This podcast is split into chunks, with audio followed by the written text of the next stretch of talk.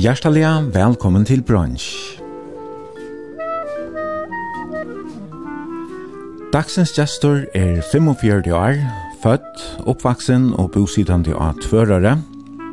Hun er utbyggven løyfrøynger og reger sammen vi eldre badjasunnen egno fyrtøktere, Tere, som mellom anna æler og framleier Tere til Martna og Kjål til Rokkjelse, fyrir laksa elvinna i fyrjon. Velkommen til brunch, Agnes Mols Mortensen. Takk for det. Og vi sender i morgen undan hei, undan hei noen, ja. at jeg tørere. Jeg tørere, ja. ja. Og uh, vi sitter her inne i uh, en eldre hus som tog kjøpte for noen år, så gjerne. Ja, Hette er en hus under heinan som er uh, gammalt, det er bygd uh, tullja i 1900-tallet. Jeg kjøpte så for uh, cirka fem år så igjen. Ja. Og ja, og nå er jeg her i spøysestående. Ja, nemlig, ja. Det er en, en, ja, en gammel hus. Jeg har alltid å si det var fra 1912. Cirka her, ja. Ja, og det her hever en sånn, det som danskar vil du sagt, en sånn dame av en, en herskapsbolig. Ja. Altså, her er veldig høyt til loftet, ja. her er ja. stokke og ja. under loftet noen, og stokk ja. lister reisende, og utskjeringar og... Ja, dette er jo veldig en velahus da det ble bygd ta. Ja. Og, og dette, dette var kvarteret her som folk har tvører som var velstidleie eh, bosett seg. Så dette er en hus som er bygd eh, ja, og lukket som, som man kallar Morsens menner. Og Og det blev så eh selt til å være ta i fjørt noen ena for halvtid. ta kom et, et ungt ektapær inna bygg vi her. De de var ikke i ett vid de folkene som hei ledde huset bygja. Og ta søvann er nok så spesiell tog at eh, um, tankonan, an anchan som, som åtte i husene, hon, um, hon het Elsby Øravik. Og hon uh, gjør det til at hon hei ikke etterkommere, som kunde ta över. Så hon sålde husen vid sig själv hon i. För hon har ju bruk för det, intöket och, och att uh, hon kan vara här. Så, så Evelyn Hildebrand som är känd folk här att höra det, de köpte husen vi hissar här, uh, äldre konen Byggvante. ja. Och de inrättade sig så på att han matade hon hej kök uppe i loften och Evelyn Hildebrand hej så kökna runt Og hvordan det har jo ikke, vet jeg ikke om, men, men jeg kan ikke tro at det er rikka, til ja. det var såleis til ute til henne mm. elspa døye. Ja. Så hon, hon heier loftet allt som det var? kan? nei, det vet jeg ikke ordentlig hvordan det har gjort. Det kommer ni er jo på loften, så ja, jeg råkner ja. vidt at jeg har haft det hva annet gjør, men det har også haft kurs og køk som kanskje vil være nok så deilig at man kunne haft sitt egnet, men ja. gjørs med og, ja. ja. Ja, god viten det er gynnsje der, og sånn har lust ved en hus til søle. Det er kanskje vært sånn mistansløst. Ja. Onker er kanskje hoppe badde. Ja, men, uh, men det er flott i husene og, og ørvuse, og jeg snitt i gynnsjene, og horene det er utskårene, og så er det maler, imsen liten. Ja. Og så er det blommer maler og... Ja, ja, og det er... Uh, Evely, uh, som var tankonan som, som bor her i Nogvar, uh, hon gick ølte på innretning och hon är hon har kjellar för detaljen någon och hon har finns go folk att hjälpa sig vi att att fruka og och och og blomsterna ute i ganska någon tejer han malar Ja. Och det är en när med som heter Johan Öster som har malat tej.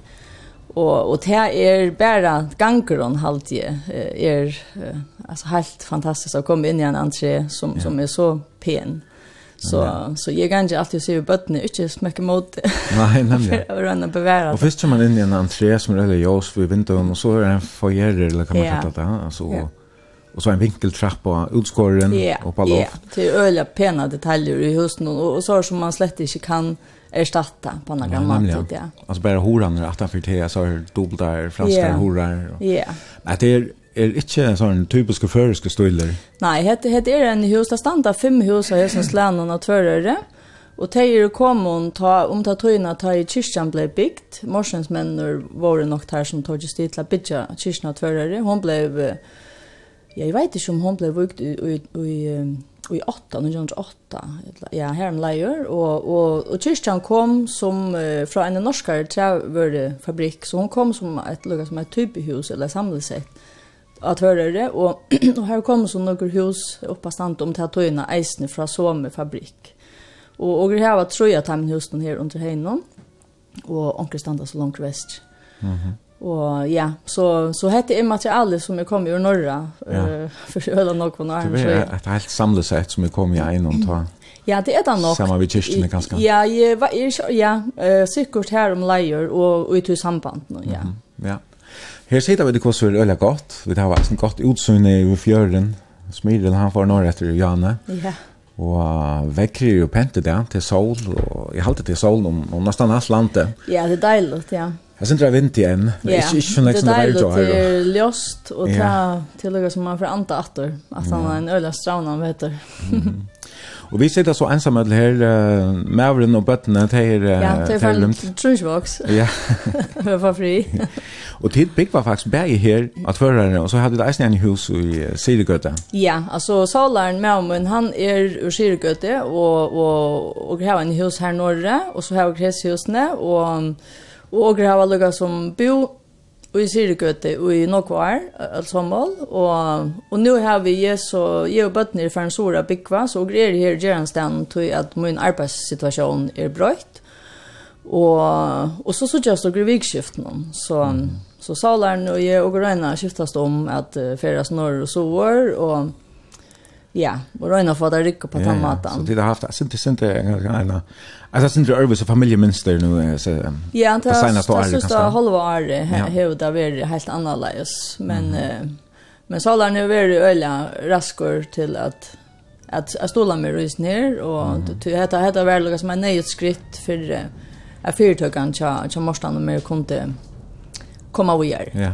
Och det som jag nämnde i början äldre budgeten morstan. Ja og du som hava fyrtøkna tære. Ja. Og tid har hava så kjøpt smoltstøyna i famjen, jeg alt av ja. fjør sommer, eller så da? Ja, til å være i fjør sommer, og, og, og, for, og, og grivet hårdt støyna, og begynte at at uh, ja, han rikka til uh, og i være, altså jeg halte ikke for inn her i cirka august-september og ta, og ta, her var det størst opptak, så, så det første måneden for simpelthen vi har rotta, att få bort och bänt allt allt det som la i stö stöjen till stöjen är ju faktiskt inte brukt kanske en 20 år. Så så det var ett ett störst upptag och och det hastade ju till att och skulle i gång framläslarna eh vi häst isne och det blev sån sanka jogon till att ta och så hej finns ju rutta så skulle det alla installationer ju gerast vi och går pumpa tjockvin som man kan bruka till kørene till det som går ger famion og går grå og sette Ja. løgner. vi får prata nekk mer om det sidene, men uh, vi attla väl snäva vara. Færre en tur till famion jam. Det har sån vinter att uh, det var Shirley Riley. Nej. Bussen är avløst. och Ja, bussen är avløst, och och så och helt til att ja, bara låta vara. Det blev ju en mer vinter utav dagen så ja, visst skulle vi färden så skulle vi färden tullja. Ja. Men tar er snägg vinter. Ta är snägg vinter. Men lucka mig, jag har sett några filmer och och jag har sett några mynter och så det har alltid jag finns något skott intryck av. Ja. Hur ser hur ser vi rätt att chatta knä. Ja. Och så har du annars farlöven från fiskealling för du dina här du är på något snägg var. Jag är på något snägg var fiskealling bara som projektansett och är som fast ansett. Jag har arbetat halva tog här um, i något snägg var. Mm. Så 2015 blev ju halvtog jag sett här. Mm Og her har vi arbeidet i granskningarverske atlanen som, som fyrir en stor part har snur seg om terra Erling, men eisne er veldig involveret i ørenprosjekten. Og, og det har vi så lukket som da arbeidet holde tog i fyrir har tog til eisne at uh, prøve å oppbygge disse fyrtøkene som er til terra. Mm -hmm. og, men nå ble det så tæra arbeid og i tæra blev mer krevjande och och för lugga som argument och en rättning som krauti att att nu måste og tæka stie ja. och så måtte berla bresta så ta och ta och ta möjlighet nog finns ju vi att i stöna och i famjon eh, väl lugga som starskode till att nu gjeruk det mm Och ja. eh, Jauron och Palle Det er tjej og ja, palle, han var fem år nu i han var en tvær måneder. Nei, onsdag. Ah, det er onsdag. ja, ja. Og hon fyller meg mann. Hon fyller meg, ja. Ja, ok. Ja. Og er det fattelig vel til her sori jeg snø? Ja, det er alltid det er det. Palle gengur i Batnagare, og, og Jørgen gengur i første Flotje, og... Mm. Alltså det blir en öliga stor bröjting till att hemma och att familjelivet är så bröjt. Och, och, och, och Men de heldigvis er de fotlån ølja godt til B2 og og ja, og gjøre som foreldre og noen at jeg gjør en sånn innsats for at at de skulle trøyvast og, og at og røyne sette rammene for at de ikke føler at, at, at alt er ferdig oppløst. Og, og det er det ikke, altså, og grava på en eller annen måte mengene at få det hanka sammen. Ja, men det er jo fint hvis det bare fungerer så, yeah. så godt, og, yeah. og til og til er sånn ekva familie her, her sore og vindfølg og, yeah. og andre så, og vi har lukket som et nettverk her, ja. ja. ja. Vi får prata om uh, tunna bakgrund og familie og alt det her uh, i sendingen i dag. Vi får eisne prata senter om uh, opplevingar som du har haft og med landa eisne bo i Afrika og i, i uh, et år, mer enn et år faktisk, det du er her. Mm Ghana og to var i USA og nekva er og Grønlandet. Mm -hmm. Og for her sjån, det er snitt hos oss om om teara og møvlagar som er i teara erling. Og så fyrir vi sjålsagt eisne spela tonelike og til Jesslin som vil tonleikin. Og jeg vet at du er ikke musikalsk. Hm? Jeg synes det. Er du så beskjegen? Ja, ja, nei, jeg har utfoldet meg innenfor hotnorkester og tonlag. Ja, ja. Du er orkesterformer, eller forskvinner? Ja, jeg nevnte forskvinner, ja. ja. Men det var nok mer at, at dirigenten helt det her skulle være en kvinna i front, så jeg tog det. så du er forskvinner for tvørre? Tvørre hotnorkester, ja, ja. ja. Och det har två hodna har en och flætan struktur så så anka ska lukka som tagga till Asha vara folkvinna och och och under tagga er uppgifter. Ja. Så så så jag jag är folkvän kvinna här under några och och och det är fina grejer till till att och ha det ordla gott och och ha go folk och jag orkestern och så och delas de mot varandra. Och det är så Trent Renne som ganska lejer orkester. Han är dirigenter, ja, ja. och och han är nog han som som hör alla erna för orkester existerar nu.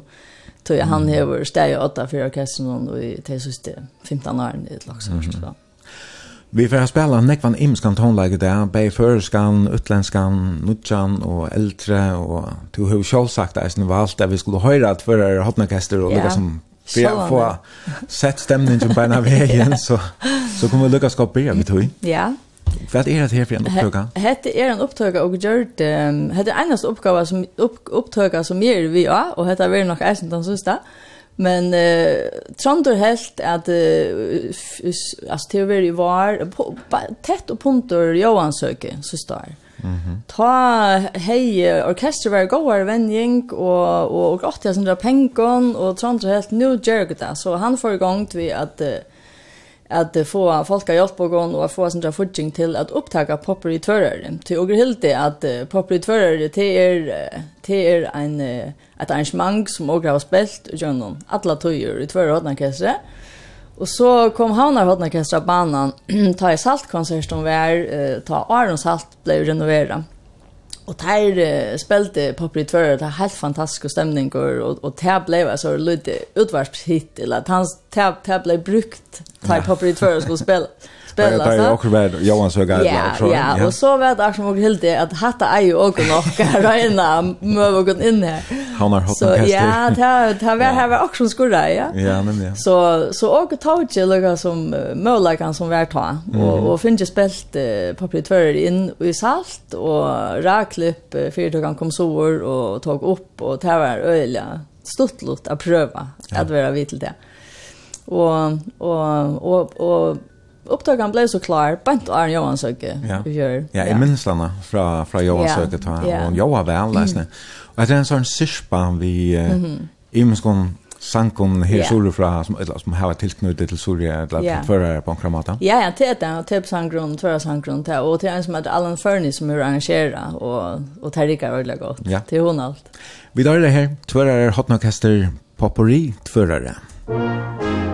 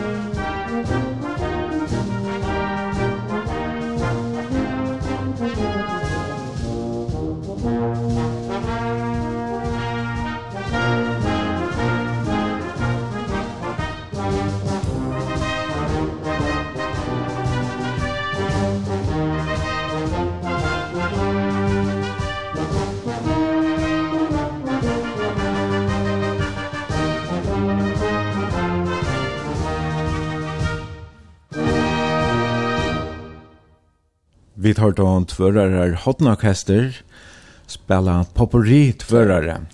Og det er Agnes Mols Morsensen som er gestor i brunch i morgon. Og vi senda beinleis av tvørare, sitter her i, i stovene, jeg vet ikke hvordan henta stovene er det her i tver. Hette spøystovan. Hette spøystovan. og och er hva? Det var ikke, uttarstova. uttarstova. Ja, ja, vi sendte beinleis, og det blir til så det her lortstereisene at uh, sendte okra spurning, uh, når vi mer kjenker denne helsen, og Facebook-søgene til bransj, stavast B-R-O-N-S-J, etla til 22.4.00. Og vi sitter godt her i spøystående, og jeg har godt utsyn i fjøren, og jeg har nekk for godt av båren og næsne. Agnes, du har bæka brownies og her er frukter og bollar, og så har du eisne gjørst imens ur tæra. Her er tæra smør. Ja, Anna. jeg har gjørst tæra smør, og, og tæra er en oppskrift som Johanna Kjaldrafløtte, stjåren av husarskolan har ment. Og hon tycker ordla godt, tog hon har bai ta salta, og så hon har pifta og sitronsaft ui. Mm -hmm. Og så hev hon grasindra av tæra chipson, som eh, ja. Som är ordentligt bröstchen. Ja, det är bröstchen. Och har kört i annan i anne och, och liksom dra olja och, och, och hävshalte. Mm. Så blev det ordentligt läckert. Ja, det smakar det i. Det var ordentligt frusk och smakar väl. Ordentligt ja. salt. Ja, ja. Salt, ja. ja. Men läckert och um, ja, som sagt så vann vi där to vi lust här hemma fyllde där koppen för där sånt te eller kaffe och för allt. Jo då lötna sen vi kom. Så nu får jag prata sen om tunna bakgrund och tunna familje Vi kan begynne ved å fortelle at du er født i 1924. Ja. Var det her av tvørere? Ja, 2000 av tvärare. Ja. ja. Född um, första januari. Så det blev så rått vi okay. att um, jag rönde och, och skaffa göra mor och köra aftan och, och det var som vi förstår jag mamma och pappa så var det fallet inte gå att göra tror jag det var liksom festlokvöld. Så så sa han vi tyvärr att att uh, Tanjara Morgon som som akra var färdig utlärd och som kanske inte ordentligt där för en första skall hon tog emot mer. Då kunde hon bara röna sig. Alla hinner var färna i allt annat något flaskla. Ja. Men det gick gott annars. Jag hållit det. Ja, ja. Föräldrarna sa där.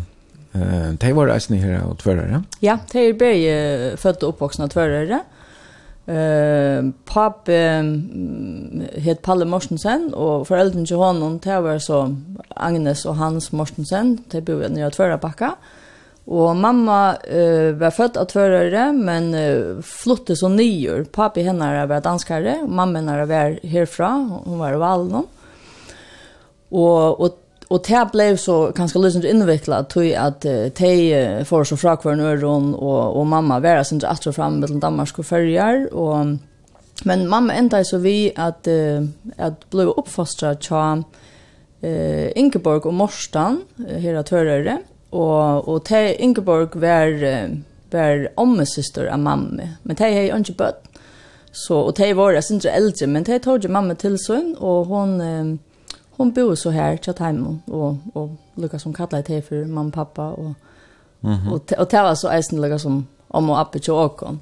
Men och hej allt och John allt löve har och haft kontakt vi vi alltså typ biologiska föräldrar till mamma, Molsabon, han han var danskare och och boe Sean det att löven i Danmark och och Mimmi och man hon hon var så någon men eh, men boe så alltså ett vuxna liv i, i Danmark. Okay. Så och grej om jag appa i Danmark är nu och här och så så jag har haft något sett av Ja, var det så vi kvarst här och färra oss till av för Ja, det var det. Alltså målsappen var hemma cirka ena från Mari och helt sommarferie och ofta var kona hans här vi isne och Så og så oss nok, og grei, og grei nok kontakt vi målsappan, og han er nok ver nok, nok så tuttninga med i och og och og og neisen i bøtten, og tja mer og sysknen, og, og ja, men til, og så har vi haft eh, mostrar, og, og mammabajar i Danmark, og, og den ene mostron som og har om i bo i Danmark, hun flyttet så heim til Havnar, og eller til Archer, og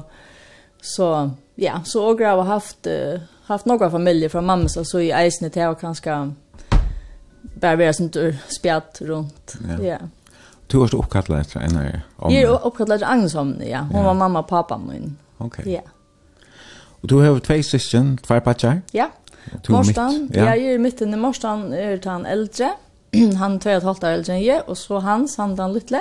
Han är inte lite långare, han är sex år yngre än jag. Så, ja. Mm. Du, du nevnte at uh, her som husen ligger, her bor uh, Mortensens leie. Nå yeah. så du er jo eisen Mortensen, var det her samme familie? Uh, nei, det er det ikke, men her er det nok anker sånne mer overskjeller uh, familierelasjoner allikevel, til at uh, ta, her at var, var det, for jeg kan ikke tenke oss her, som det sikkert gjør alla alle mulige stedene, så, så, så, så, egentligen egentlig er dette nok eisen familja, men, men inte familja som gör uppvuxen samman vid eller något som helst. Så. Nej, okej. Okay. Hur var det annars att växa upp här i Tvärare då?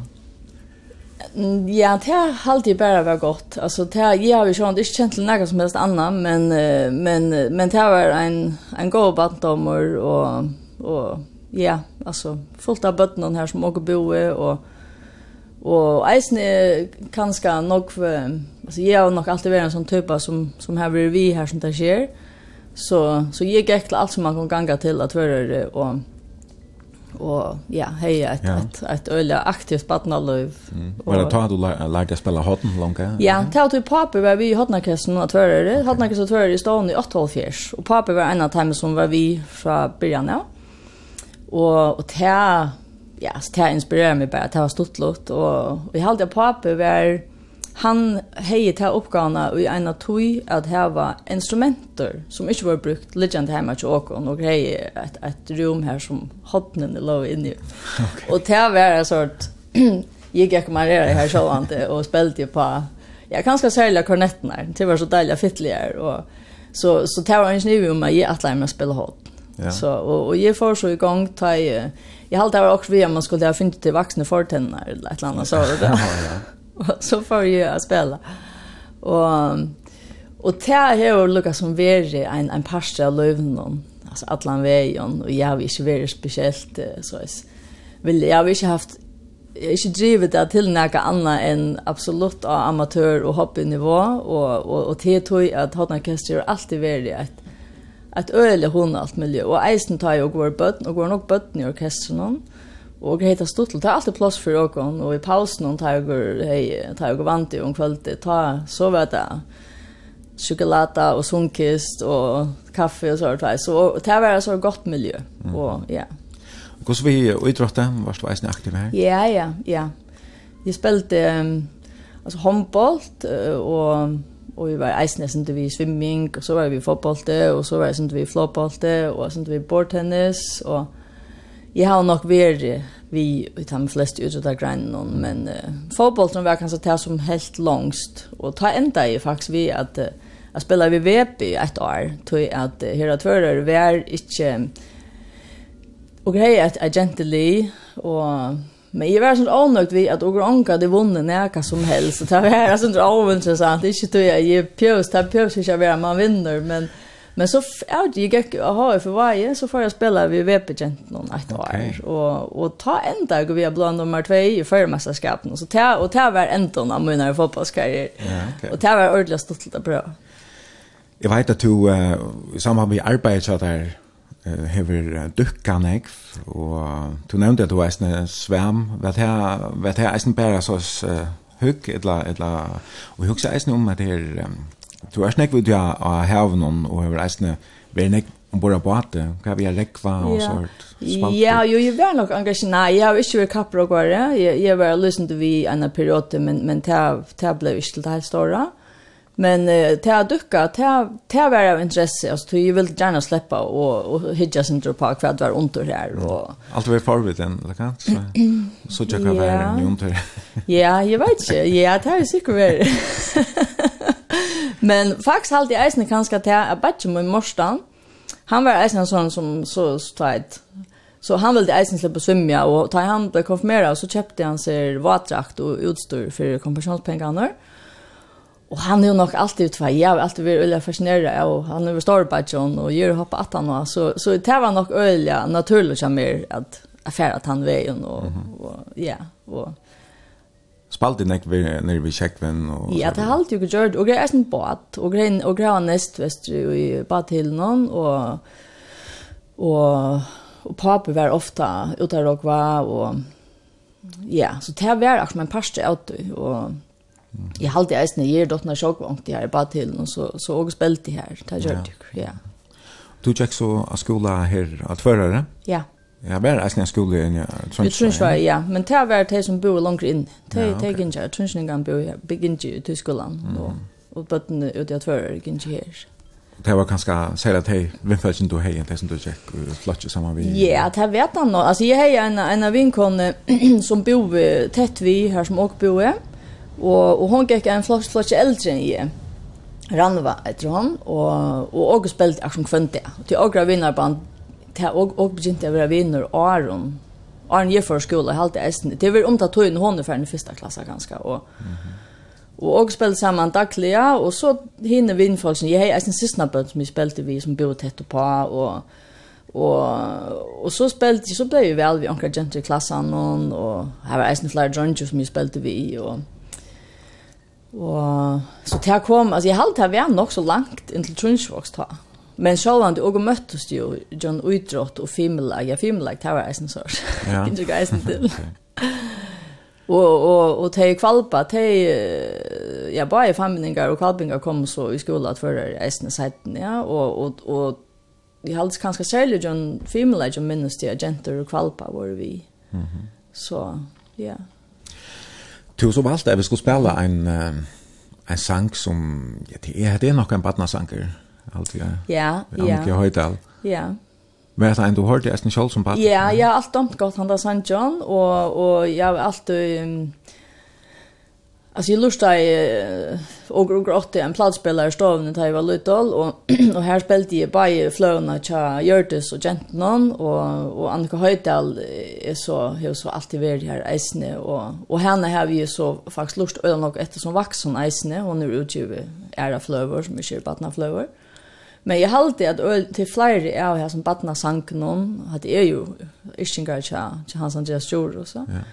Og, og jeg halte til er ordentlig godt, og at det er godt formidla eisne ja. av Annike. Ja. Så, så hatta er bare ja. godt. At det var en, ja.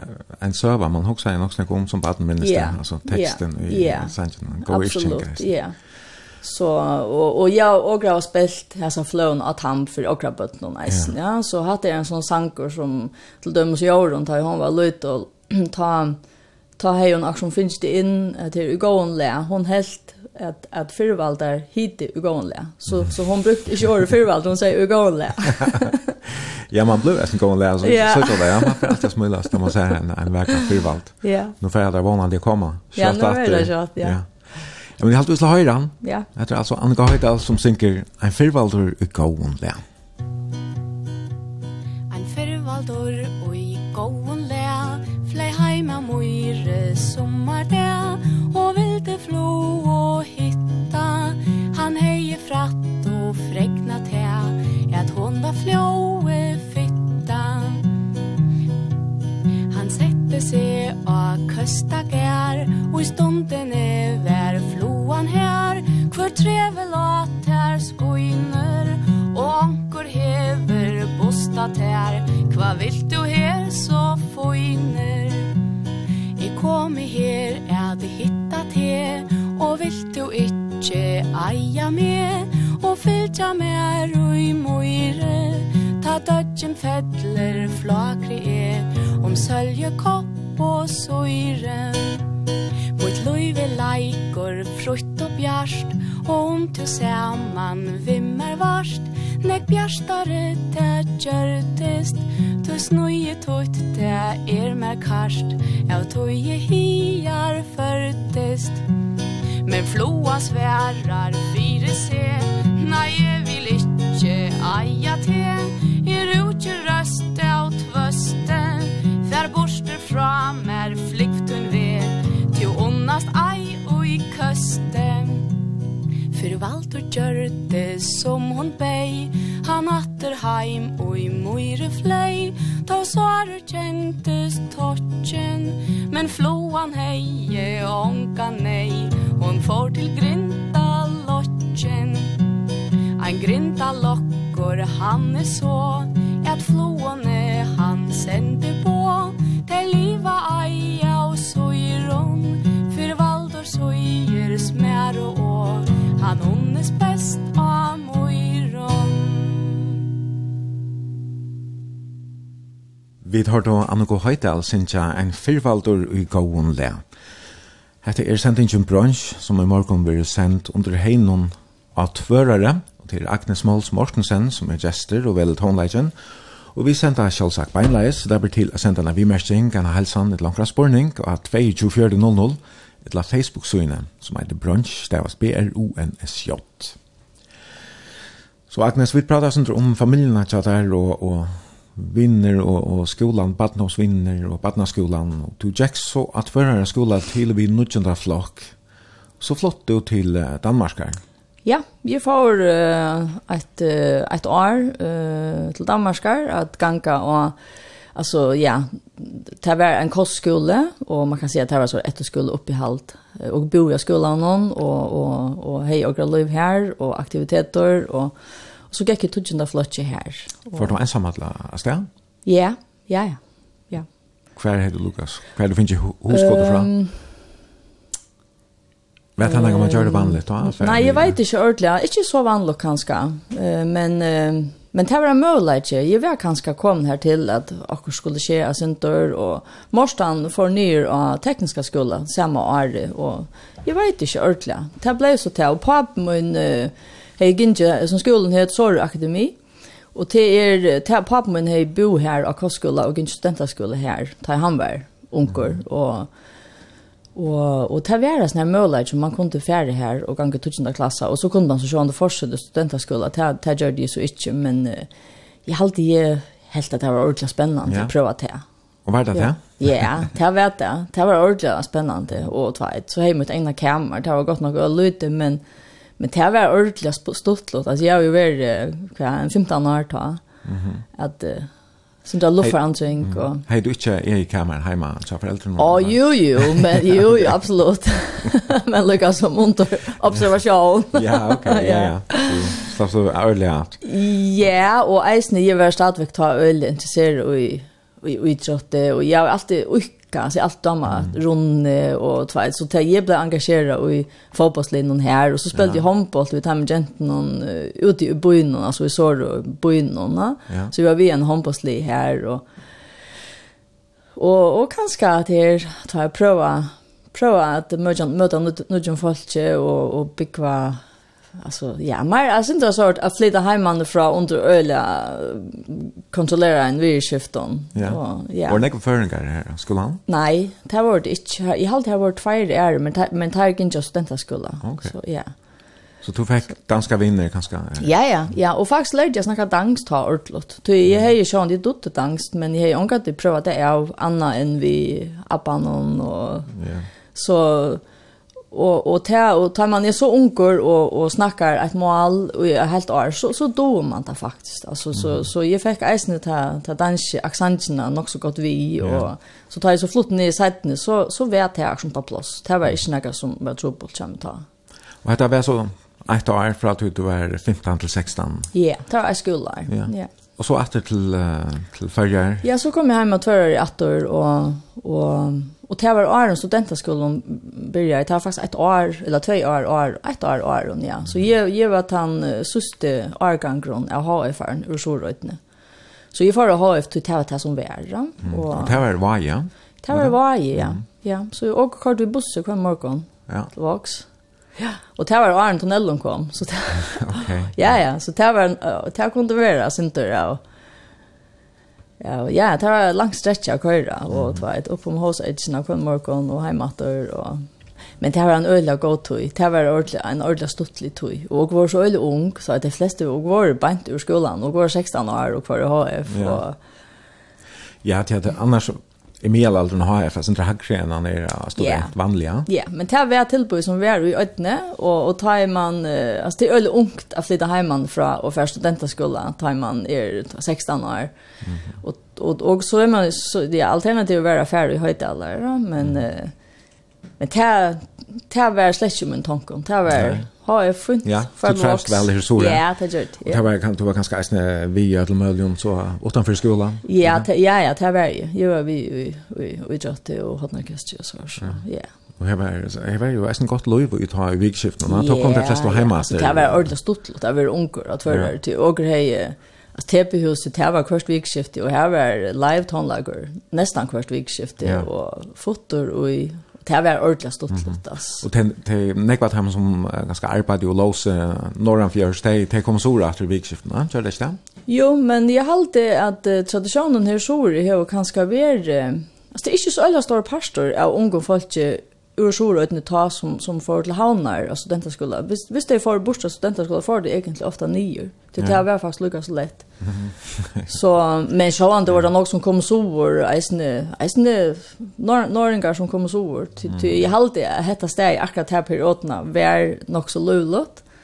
Og huset var karmer om, eh, altså, ja. nok stortlott. Og, ja. ja.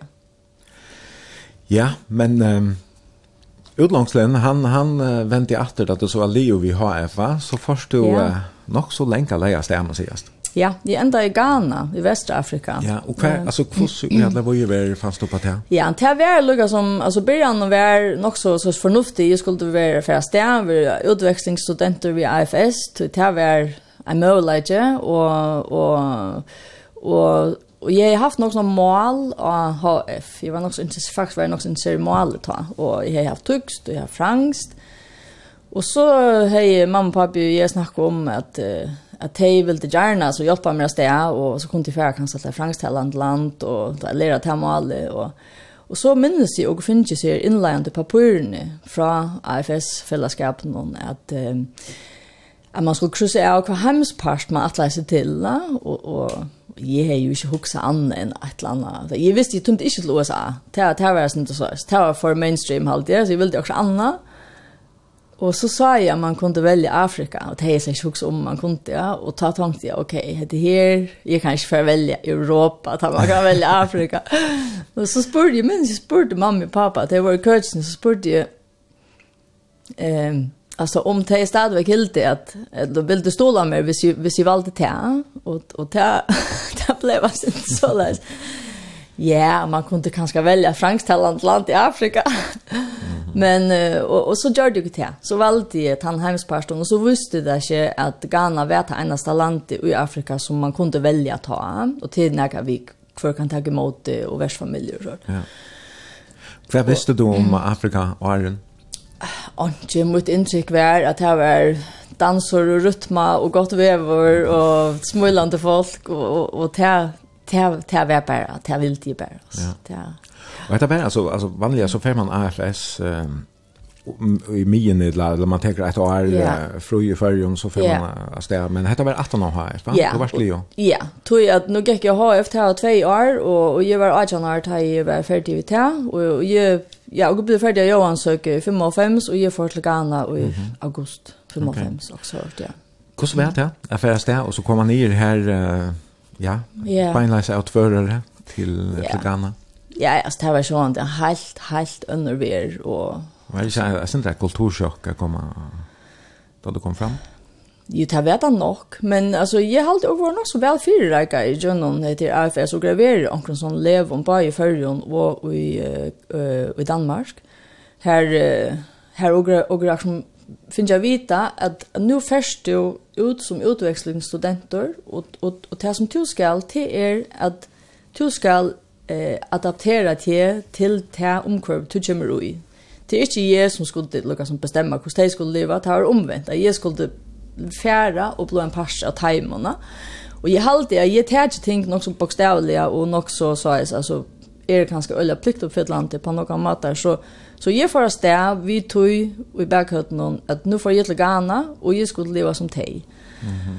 Og det hette var jo en tog, tog altså, sambandet som jeg hei heim, det var jo en brev, håndskriver i brev, og telefon men men och finns jag snä vita eller vera vi är inte hem att töna tu tu tu skall Sjalt måste lunch så skall du vänja dig vi är här och till en pastor av av av tu som IFS snurr om att du du ska lucka som släppa tunnan och brunalja hemme och och och fella till och en nudgen hemme och bluva ett en pastor av familjen ja. Så jag hejer faktiskt bara alltså jag samskifte hem vi brev eh John alla perioderna och och Jag snackar inte med familjen som kommer hemma ut telefon mer än ena fylla två fyra. Okej, så jag kan helt då. Ja, ja, faktiskt ja. Så men tøyna var annerledes ta. Mm. Altså så at man kan ikke bare ringe til Ghana. Det var sånn så ja. så at dust og og og ja. Nei, det var det var et helt annet liv.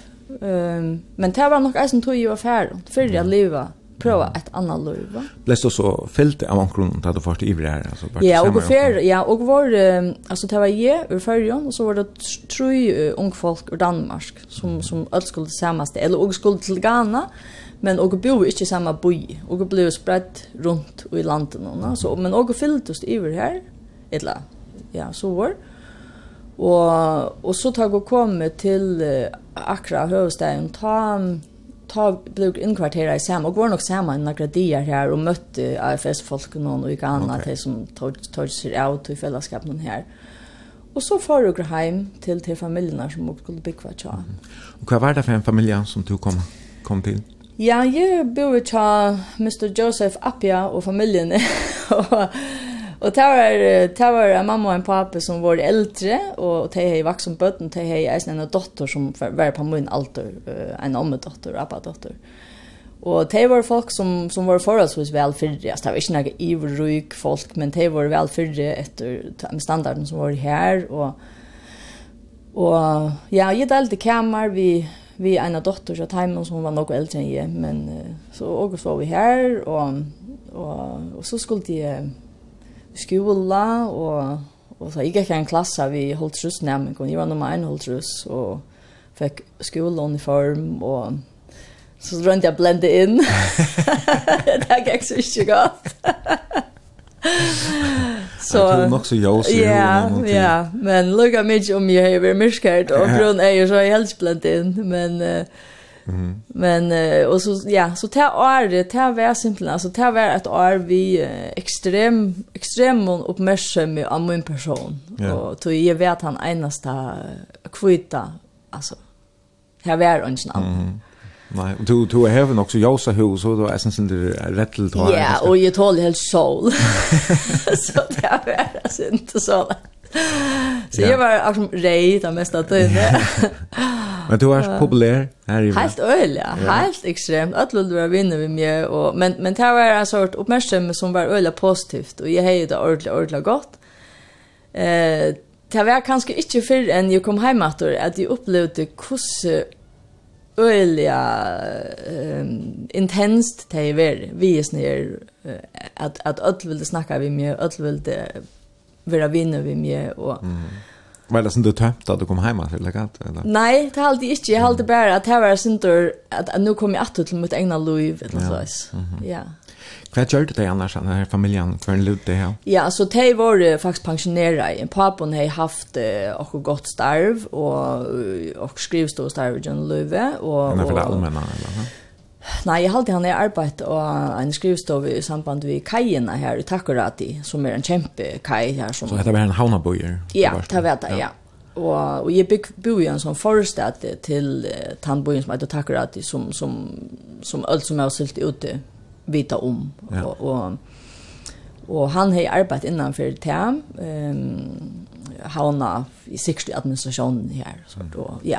Så han han har klarat seg fint och og tarra bötten var ja öll te he mängna lukka som att att geva tarra button skola gångt och uppbyggving och och te he flyr bötten som bor en bo i Tyskland och och onkel bo i Michel Atter och Norrland det var färdigt i Europa jag hade en bor i USA isne så så så det är inte så lätt vet och i Ghana att de som klarar sig de röjna släppa ur landet någon så att mm. så det är på den han kanske en stor miss för för landet ja. Ja.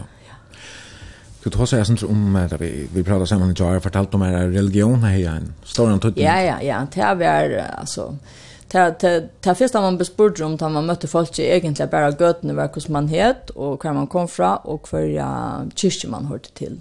Det blev inte spurst om om man var tryggvant till det var en självfältja. Så det var bara knalla till. Jag var ja. protestanter. Okej, okay. det var kristna att här. Ja, det det var det alla flest. Ja ja, det det var kristen och så vet om man hörde till till mer katolska kyrkan eller till protestantiska. Men Men här var absolut en sån underton av sån häxadoktor i alla ställen som som som jag är och mötte jag lite sinter. Det, det var till dömes en episod där vi att, att um, jeg er en vinkona som er og jeg vil vite henne og, og så er en gym et øyelig, øyelig pent armband av glasperlen som var simpelthen så flott. Jeg var ordentlig glad for det og jeg korsade om armen og och detta var sån traditionella perler som det ger det här och och ta ta ju så kom hem ta ta ble det spurst in till alltså nok så herlig hver detta var kom fra och och kvar er gymmet där och och at det helst ikke skulle ganga vitt ut hun kunne kunde altså alltså er sån heksakraft förbund om visa perlene ja. Så och det kom alltså inte back på mig. Jag lejde bara fram och hette annars vi hem i eiden så det var ju smart det. Men de de reagerade på det. Familjen som är det. Så det var nästan så här voto mätta han. Ja, tala tala under. Det gör det där, men det var absolut kriston. Det fyllt i och vi tar löv. Det var tarra grundtarla egentligen. Ja. Du grät ifrån skolan och men men du varst där sen vi ju i Störboyn. Ja, ja. Ja, det var jeg, og, og jeg har faktisk en familie, um, en ære familie som jeg var tja, ta i, ta i AFS, lukka som kallar jeg, og kunne ødel saman, och i Akra, og i Høvestanen, ta bo i en ære familie. Uh, så, og, og så var jeg eisne saman vi hinnon AFS-erne, og går ju en gruppe av fyra, så, så det var eisne sånne, Så den också tilltrångt um, alltså alltså utflukter som jag gjort ja. i mitten att och fyra kunde samlas där och och bara vara mera och och kon själva. Ja. Mm. Så de blev ju eller ner vinner så folk känner tog att att att och det är nog så extremt plus det liv under helt öron förutsättning och och och det här vi att Lucas nog på sjur. Det var alltså Det kräver det syntor. Man blir något mål alltid. Ja, För alltså, du har alla den här om vart uppmärksamhet till det. Ja, och öler ringt vi av folk kanske släcker sådja mer som person, men bara sådja mer som tankvita. Ja, ja. Du grætte för att det här var nok snakk fatakra dømme i eisne. Ja, absolut. Alltså det var helt extremt att såja hur hur så folk levde. Faktisk har vi hus om det att han maten, de levde jo på, alltså allt ble enda nøyt. Alltså Mira egentligen så som man rönner av folk skulle leva nu här till Åkon. Jag minns de sa ofta folk som de samlar plastikpåsar till det var vire. Du kunde inte sälja det här.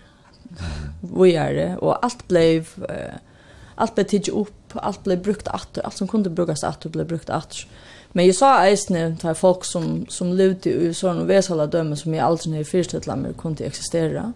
Tog jag samfellet i var öjlig, öjlig, ojant. jant. Um, og her var ikke sosialt nedverst. Her var ikke lofta folk som ikke klarer å løpe seg selv. Og, ja, og, og, og til at, at, at, at unge folk, munn og flotje, til det var en kamp til at her familien i høyre klare å køre det i skolen og halda det her. Og... Så det var, det var sånne forhold som jeg slett kjente til. Mm. Jeg behøver ikke. Vi åker, du vet, åker på gang skolen og det er alt, alt er galt til fyrre, og till är bara en självfyllt ja, att och bara göra stinsen. Ja. Men annars generellt så var det öliga glä. Ja. Ja, öliga och sunko och dansa och Ja, ta ta var fotor och och och och smulande folk och öliga ta ta var ett öliga positivt upplevelse. Det man säga att jag också att att att vi får så eisne atter en tur några år siden för för lugga som att kanske uppleva Ghana som en sindre äldre personer och synd och mer på mina premisser inte äntligen skulle tillpassa mig en familj men med mera bara att söka det attor och och möta de folk någon som som jag var gå vi och och som jag haft också samman vi och och ja. Ja ta faktiskt och så så se tinsningen för en öre vinkel kan jag läsa. Ja, ja. Och det var faktiskt ordentligt gott att vara att ta. Ja, så inte vara att detta sist i vara vart 2003. Så det nog var så ja. ja. Men annars då varst här första för i AFS sambandet ta grett och äsna från att folk var alltid ute allt för gick ute ja. och det var väckte var gott och det var ja, ja, och ja alltså med ger de för gick ute för det allra mesta vaska kläder ute i tunneln och i allt med skrubba vi hånd. Mm.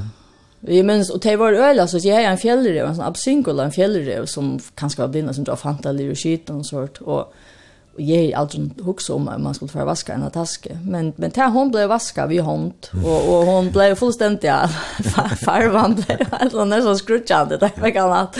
Det var öl, handastärsk, alltså ja. allt arbete. Mm. Särskilt konerna, alltså öjliga, alltså det samfället var om näka dominera av av kvinn kvinnon alltså till till marsnauron och till salje till alltså handlon som får fram till var konor och visst du får om man har marsnaven så så var det konorna som stod ju ropte och och stod i ödlon här men tvärt det var stadväck i sig männen som var ganska pinkanor och här som var familj ur hötten men det var absolut konorna som körde det alltså. Mm. Det det vet. Du valgte en sang som Du hørte den ikke, da du varst der. Ja, det var et hit. Ja. I 95. ja. Og det er så et crossover, kan man säga. Det er uh, ganske, jeg synes det er tradisjonell noen mm -hmm. ganesisk kontonleidje, så blant annet ja. vi europeisk, uh, ja, pop. moderne ja, pop. Ja, ja. ja. Mm -hmm. Ja, hver, altså, hver hørte de tonlag? Hørte folk uh, radio eller... Ja, det er alt mulig, men det er runga ut i gøtene. Da du gikk etter vennen og tvei, så hørte du tonlag, det er bespelt inn i uisen her små sølebjonen og ja, altså, det var ute under åpen himmel. Folk lever jo ikke inne i husen, de har ikke hus som åker var som er flott innrettet i. De, nok folk lever bare i rummen vi omkring steder som de kunne sove, og så fyrer ganger resten ut under åpen himmel. Mm. Køkeren er åttendora? Ja, ikke at den aller fleste. Altså, mm. åker har køk i to husene som jeg bor i, men, men medgjøren ble øl ofte gjort ut i, i, i altså, mm. 18 fyrir. Ja. ja. Ja, men jeg halte vi skal høre at det her uh, leie, den så Ja. Mest att dansa eller Nej, nej, den så en så till ta till och och en och två mål och i Ghana till här var en truss imisk mål ut i landet och chi och Fanti Fanti var ta mål som det snackar här som jag bor. Her betyr en so, det betyr vatten, og, og den so halvtid er, er en, en helt bestemt å, altså okay. en, en stor å. Mm -hmm. Og annars, du börjar vi fortelle at du har jo AHA för mal. Ta seg du när fransk läs med det värsta. Nej nej, det är ett engelsktalande land så det är franska. Det får få sin i background där du slash fransk. Så tack kick sig. Men du lärde Sindre av oss nu. Jag lärde jag av fanti och och men vi lärde faktiskt eisne engst. Så så mitt första första engelska mål var vi en sån här uh, ghanesiska accent. så då till det var att han mal brukte i skolan någon. Mm -hmm. Och så fant det det var det som blev snacka hemma och ta i middel, allt snacka i det. Ja. Men men det officiella målet var engst. Ok. Og den här um, jeg här som framför Kojo Antvi Kojo Anchi, ja. Anchi, han är ja. det är en en ölekänd tonläggare i Ghana. Han är från tøy øtjen her som man snakkar chi til mål, og, og, og til ligger tett oppe at tøy målen som er det fant i her, til som også snakkar ut i regionen her som jeg bor. Mm -hmm. Så, og til er lukka som eit at han er høysmalen her. Ja, men vi tar han her. Tusen takk for å presentere han, Einflad. Ja, Kojo Anchi, vi denso.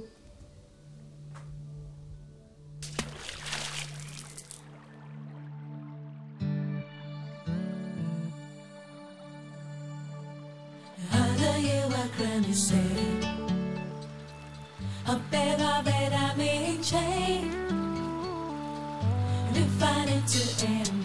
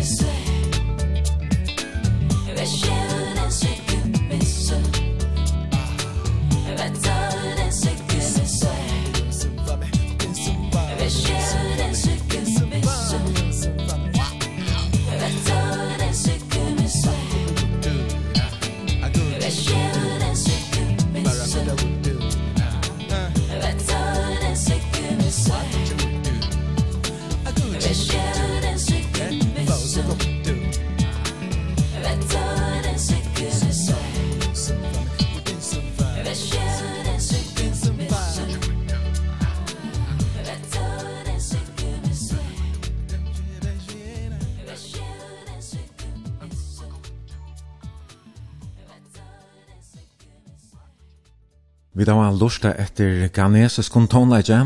At det var Kojo Anchi. Anchi.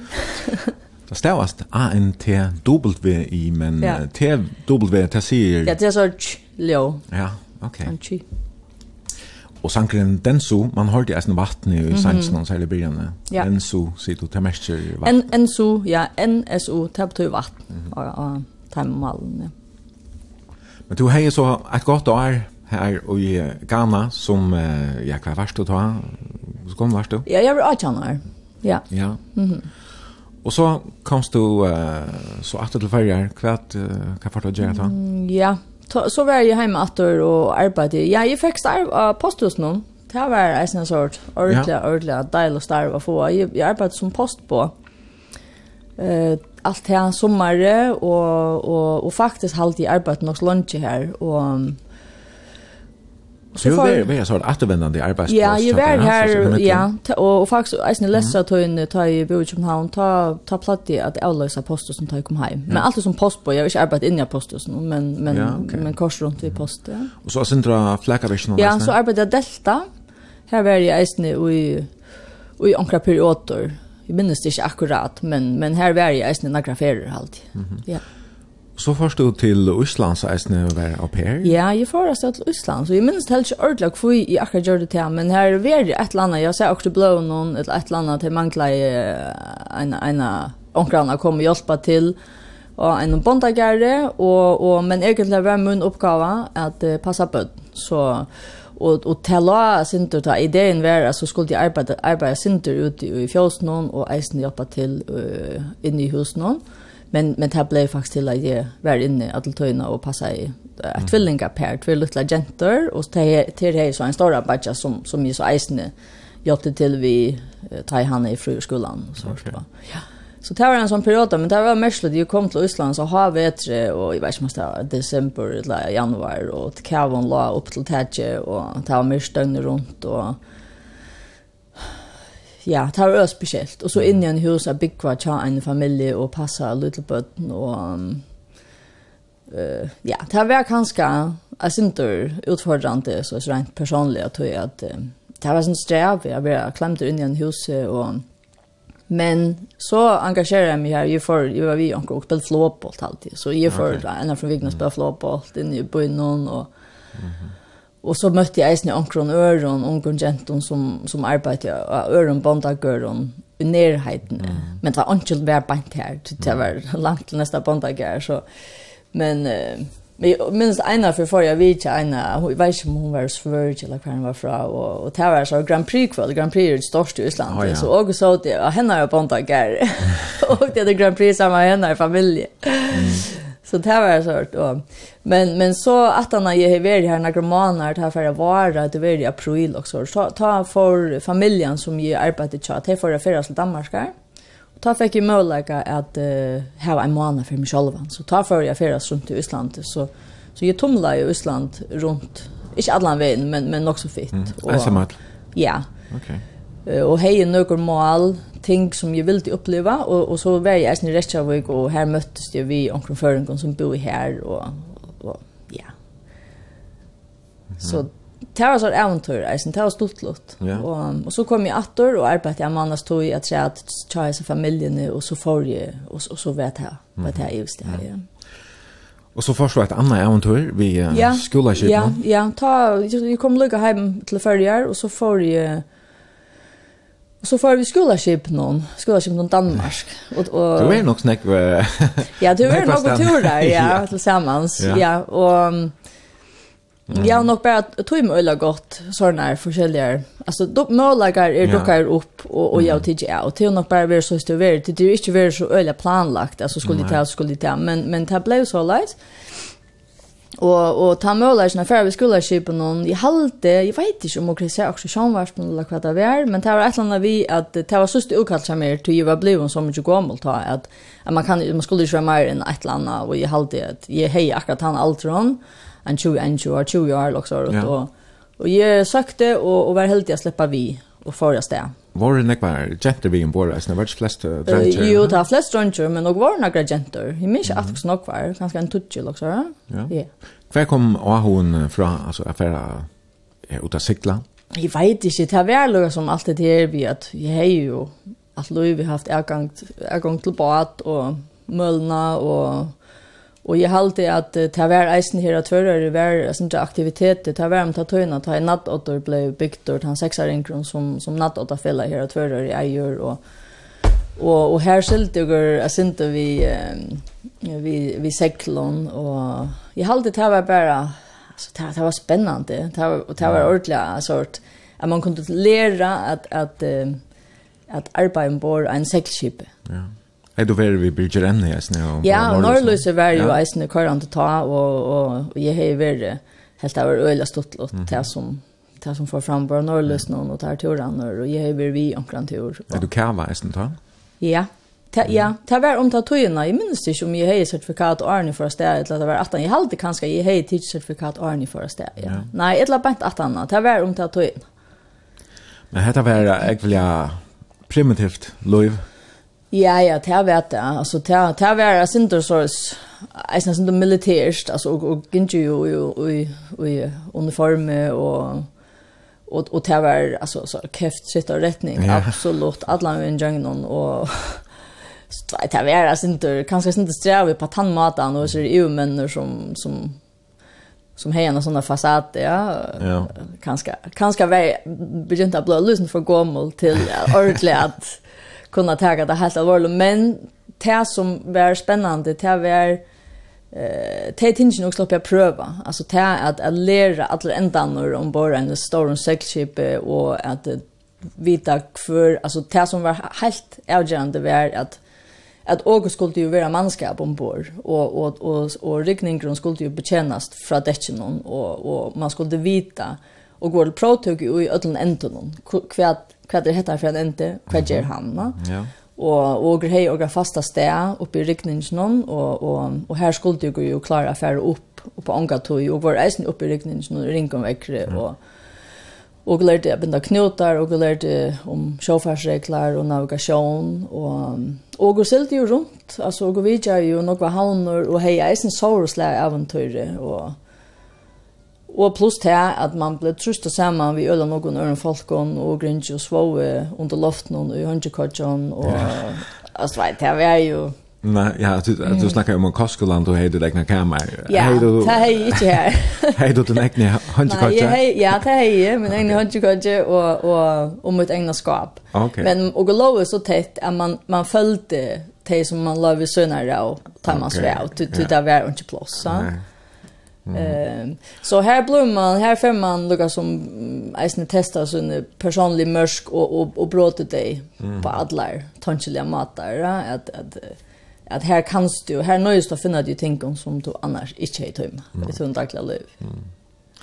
Ja, ja, du varst ombord kvart fyra månader eller också? Ja, också året, ja. Det var häst i, var det 95 eller? Nej, det var 95, ja. Okej. Ja. Og så etter til farger, etter en tur av posthuset og, ja. og delta.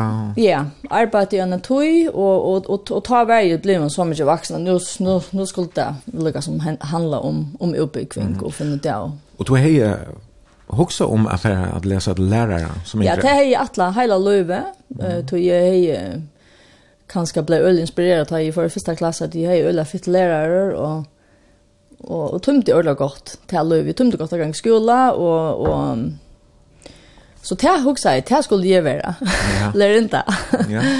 Men eh, men så vi tog in så så fick jag nog intresse. Alltså jag blev öl intresserad i naturen och och särskilt kanske och i tog som för fram av växter och i möllne och och jag huxar att um, Jag kanske skulle prata här av affär att han vägen. Självt om att något är inte inte egentligen vet det som jag har diska och i AHF. Ta här jag kanske mer jag har haft ö nog eh, mål och affären kanske mer tandrätten John men men eh, men jag huxar jag vet vad att det är ett problem. Man kan supplera till faktiskt som man manglar få att upp att rätta nivå. så så tar dirty så jag får jag får um, sort HF Sky till att supplera till faktiskt som man manglar. Og det var altså billetten inn av universitetet. Mm -hmm. Var det her i, i Danmark? Du tog? Det var i København, ja. ja, ja. Mm -hmm. Ja, og så ja. bant av universitetet? Ja, ja, ja. ja. Og det her vi at arbeida, vi, vi akkurat vi, vi tæra, vi tæra langt nægge som ja. du finnes avhå fyrir Ja, ja, jeg hei, jeg hei lukka som finnes øyne opp fyrir disse her, altså, fjalte flårene som, som er framme i landet, og og jeg har kjæva nok snakk, og, og, og, og vi ble en øl av henne i tog, og, og, og det var kanskje sin til å ta mangelen opp at, at mangelen på vitan innanfor tæra verna, og, og det var ikke ordentlig kanskje så nok folk i følgen som arbeidde vidt tog, så, så så det var grunden til at jeg får å lese løyfrøy, mm. helt utøtselig, at jeg vil gjerne slippe å, å arbeide mer vi vi naturen och och så vi tär. Mhm. Mm det var också att du mötte en en välägare var det en fälska i Ja, alltså ta ju så för att läsa Lufröje ta hej och att han alltså som den första sommarferien eller ändan av det första åren ta ta för att gå till Fredrikshavn uppe i Norrlandet till ett fältskaj innanför Terra. Och här och det var superskaj och tankonan eh, Här var två folk. Här var Ruth Nilsen som som är um, alltså en terra eh specialister i Danmark eh Københavns universitet og en som heter Paul Müller Petersen. Han er så där nu. Men de begge blev helt avgjørende for mine lukka som lei innanfor terran, og, og, og det som åker arbeid vi, det var jo lukka som diversitet, og lære arsnare kjenne hvordan greina det, og hvordan kjenne sløyene fra hver nør, og hver veksa det, og så, lent, lent, altså habitatet, og, og, og sånn taksonomiske um, strukturer, hvordan man greinar sløyene, og det var øyelige, um, alltså grundläggande mat i arbeid på. Det var, så, så jeg fikk en, en øyla fina innføring i taverna, og, og, og ta jeg lise i København i tvei år, ta begynte jeg å føle at jeg mangler alvorlig at uh, kontakt til ta første naturene og tog at ta, ta vær pluss det øyla fremmant å lese løyfrøy i København, ta i det som jag var av och i var absolut han förska naturen och och det var det som hej hej finner med han rättningen så så jag kan jag det och fann det um, att det var en flockor i förrän av fråskabarsätt som, som hej lis i två år och det skulle ta tre år att tajma för att handla utan nog om eh, häve och ta uh, lente och Og jeg søkte så inn, eller jeg kontakta i Fråskabarsetje, jeg vet om det var mulig, jeg kunne komme og gjøre bachelor, uh, altså ta tre år til time. Og ta etna just, og så jeg flyttet til førre ta i 2000 cirka, og, og, gjør, og lese setsen i ett år, og hei et øyla godt år her. Det var ordentlig, ordentlig godt. Ordentlig deilig at, at uh, lære løyfrøy av førskån og, og i førjen, og mm. sammen vi førskån lesende. Og. Ja, og vidt han om, om det her i førjen var hun nesten stor da? Ja, det var en øyla spesiell tøy, tøy at uh, biofarkanningarna var akra gjørt der, og, og det var et mengnar arbeid som var gjørt innanfor øyla nokvar uh, taksonomiska grupper i fyrjon, altså det var øyla, øyla gode mm. kanningar som ble gjørt der, og, og, og av specialiston erastande fra eisene og førskon uh, granskaren, mm Og jeg var ikke involveret i det, så jeg kom akkurat bare til henne. Men mm. Ruth Nilsen, som, som er vært min lærere, og hun, hun er steg for tære terrorarbeidet her faktisk, ja. sammen med en i Østland som heter Karl Gunnarsson. Mm. Og, og det visste ikke at jeg også skulle ha tære skai av Fråskaparsetsen, så var det Ruth som kom hjem. Så, okay. så jeg møttes etter her, og, og hun enda vi, sammen med Arna Nørrevang, å være vedleier som er bachelorprosjekten. Mm -hmm. Och åker åker har så faktiskt samstarva så igen. Alltså jag vill vi till hon akra utgiven en danska Terra Flore för några år sedan och här slapp jag så att skriva till ena kapitel. Ja. Så du gjorde bacheloren litnan här i Färjön? Ja. Och så så tog du en liten stäcka. Ja, så får ta ta för att lägga Løyka, Ja, ja. Få oss inte luft under vansen. Som du säger, du grädde från Johanna, du lägger kamer så vet du av festfamiljerna, och vem folk och fick onkel Nutje, vem folk och, och så får du eisen studera tæra Ja, så brukte jeg ta høve till att sätta mig i samband vid universitetet. Jeg bor ta en by som heter Cape Coast och, och, och fick fina kontakt och var ute og gjorde en insamling och så, som jeg stadigvæk eier, alltså ja. som jeg torska i terra, och och fick inlit ut en mer tropiska flora. Ja, hon såg att det helt överse. Fullständigt, ja. ja. Mm -hmm. Ja, men så först du att till Danmark, ja? Och gör du kandidaten lite nu? Ja, ja. Ta för jag läsa kandidaten mm -hmm. och och skriva speciale och ta var att det som folkene, det var Rotnelsen och Paul Müller Petersen som var velare här. Ja. Mm -hmm. Och gjorde mig färdig han här i 2006. Ja. Och så flyttade jag hem att förra året. ja. Men du får så äsna alltså du du att låta att skriva PhD äsna.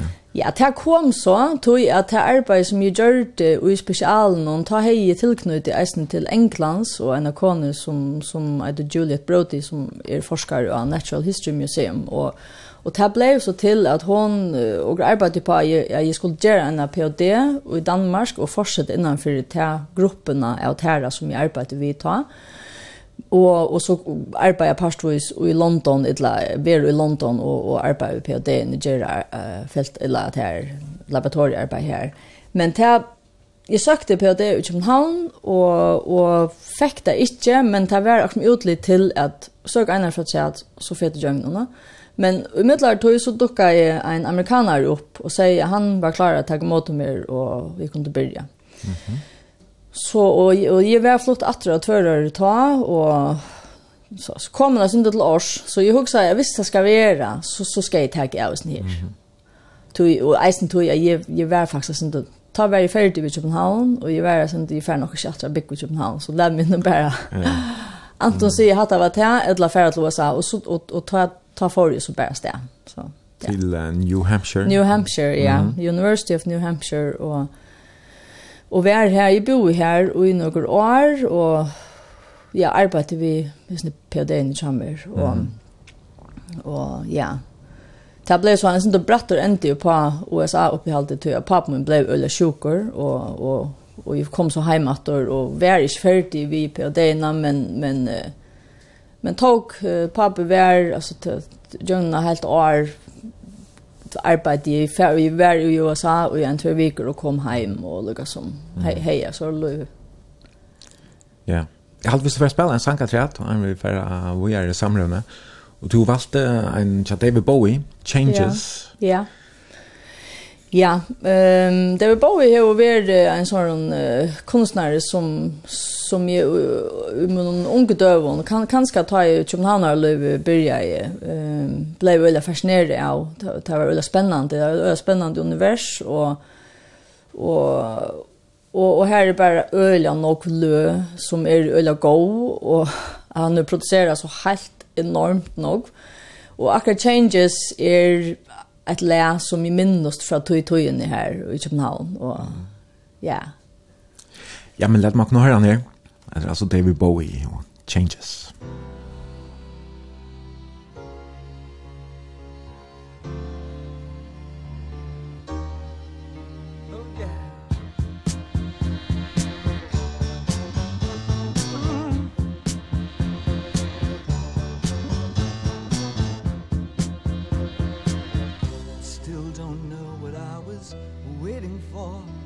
my time was running wild A million dead-end streets and every time I thought I got it made It seemed the taste was not so sweet. So I turned myself to face me But I've never caught a glimpse How the others must see the faker I'm much too fast to take that test. Ch ch ch ch Change. It Turn and face the strain. Ch ch Change.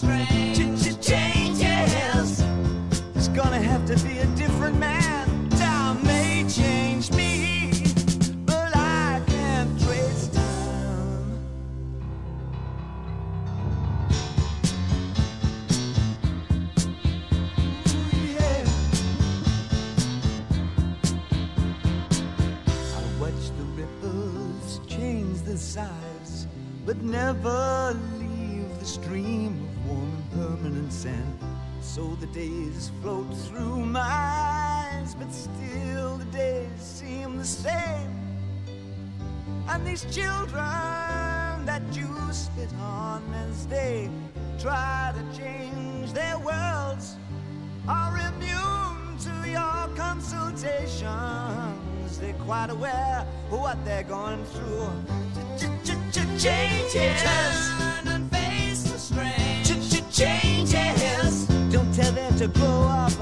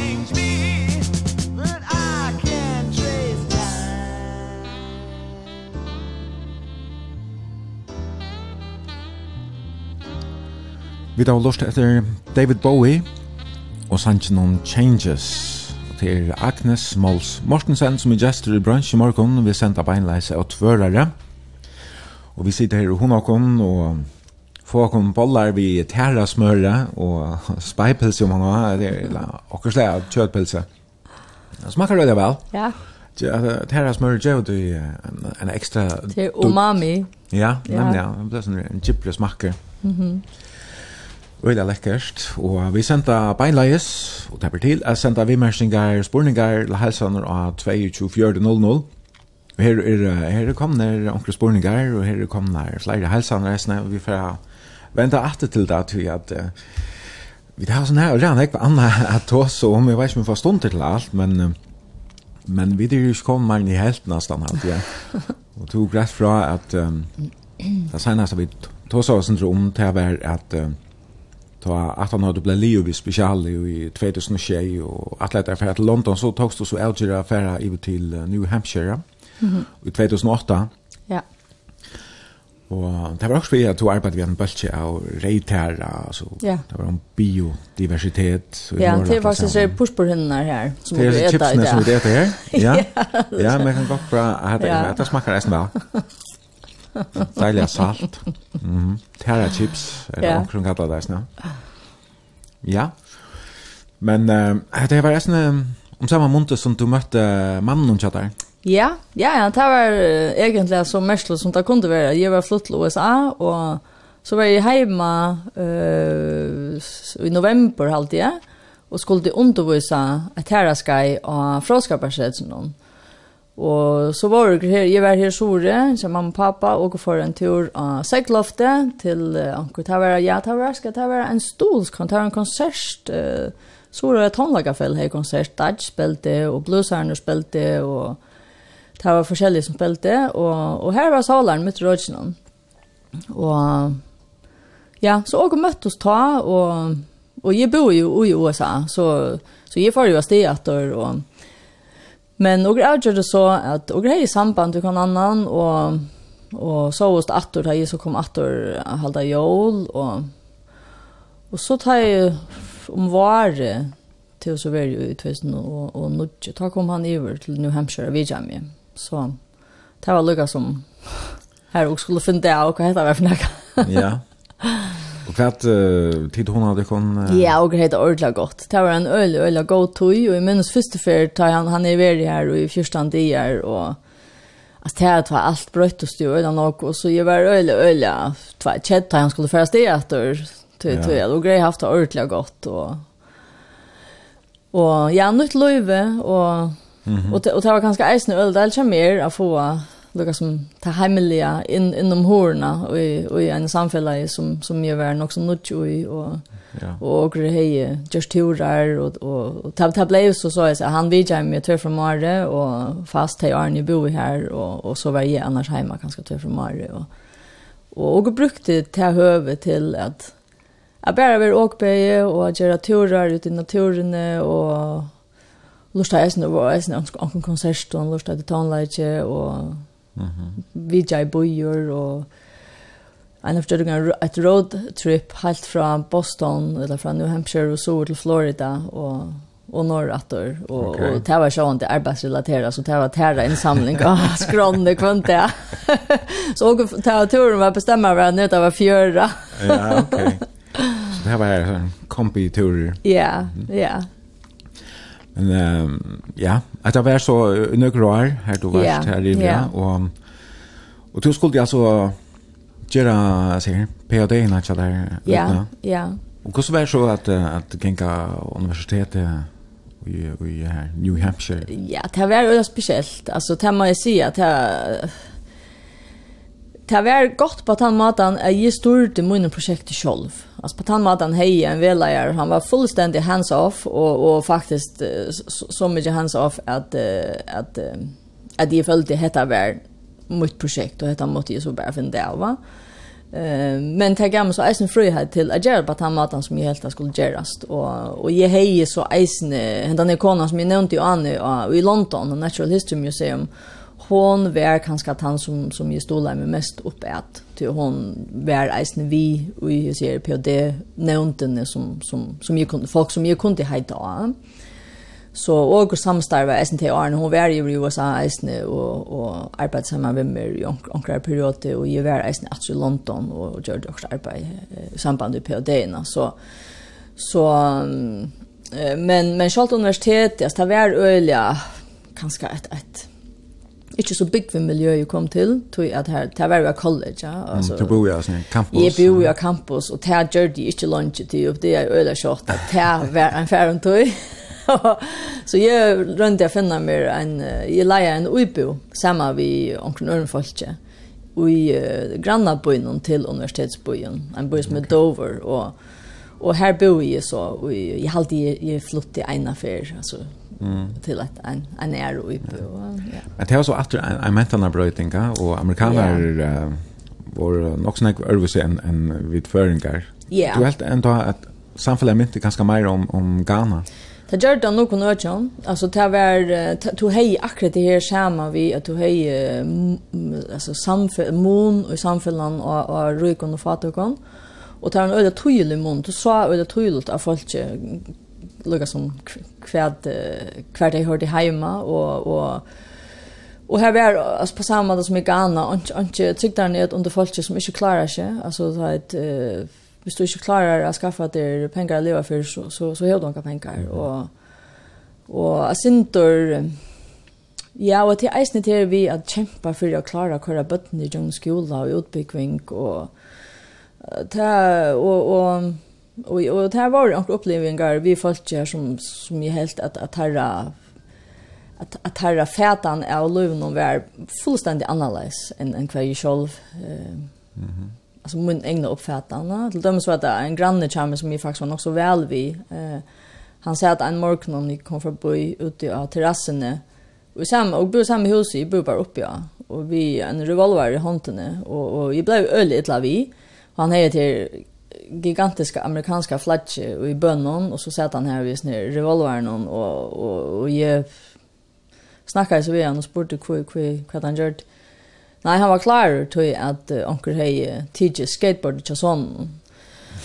Och så öl och slott, öl och meslott och öl och så så vi onkel komma, vi ska komma åter det meg här. Ja, vi ska komma åter så var han klar och och Så och han var tvärt. Han var amerikanare och republikanare och och och egentligen här vi alltså det sociala i USA blev uppfattat som det onda. Det var man skulle klara sig själva och man skulle ha frihet till att välja det som man nu ville men men men ta ta ta bottna ju bara i att det är folken som som inte mängna i det och det är ju nog Det måste ströjas för att överleva och och blöva på en eller annan mata sen då som samfällagstäpar till det ordla trupel chat time hon att att ge vad här skola gångt och och och go core Mm. Men schalt här fast den kanske ängst inte några bröding. Absolut inte. Nej, det har faktiskt här som man följde motstöv mot till dömes Obama care och allt det som var framme. Ta ju flott så att det var akkurat Obama blev vald in och och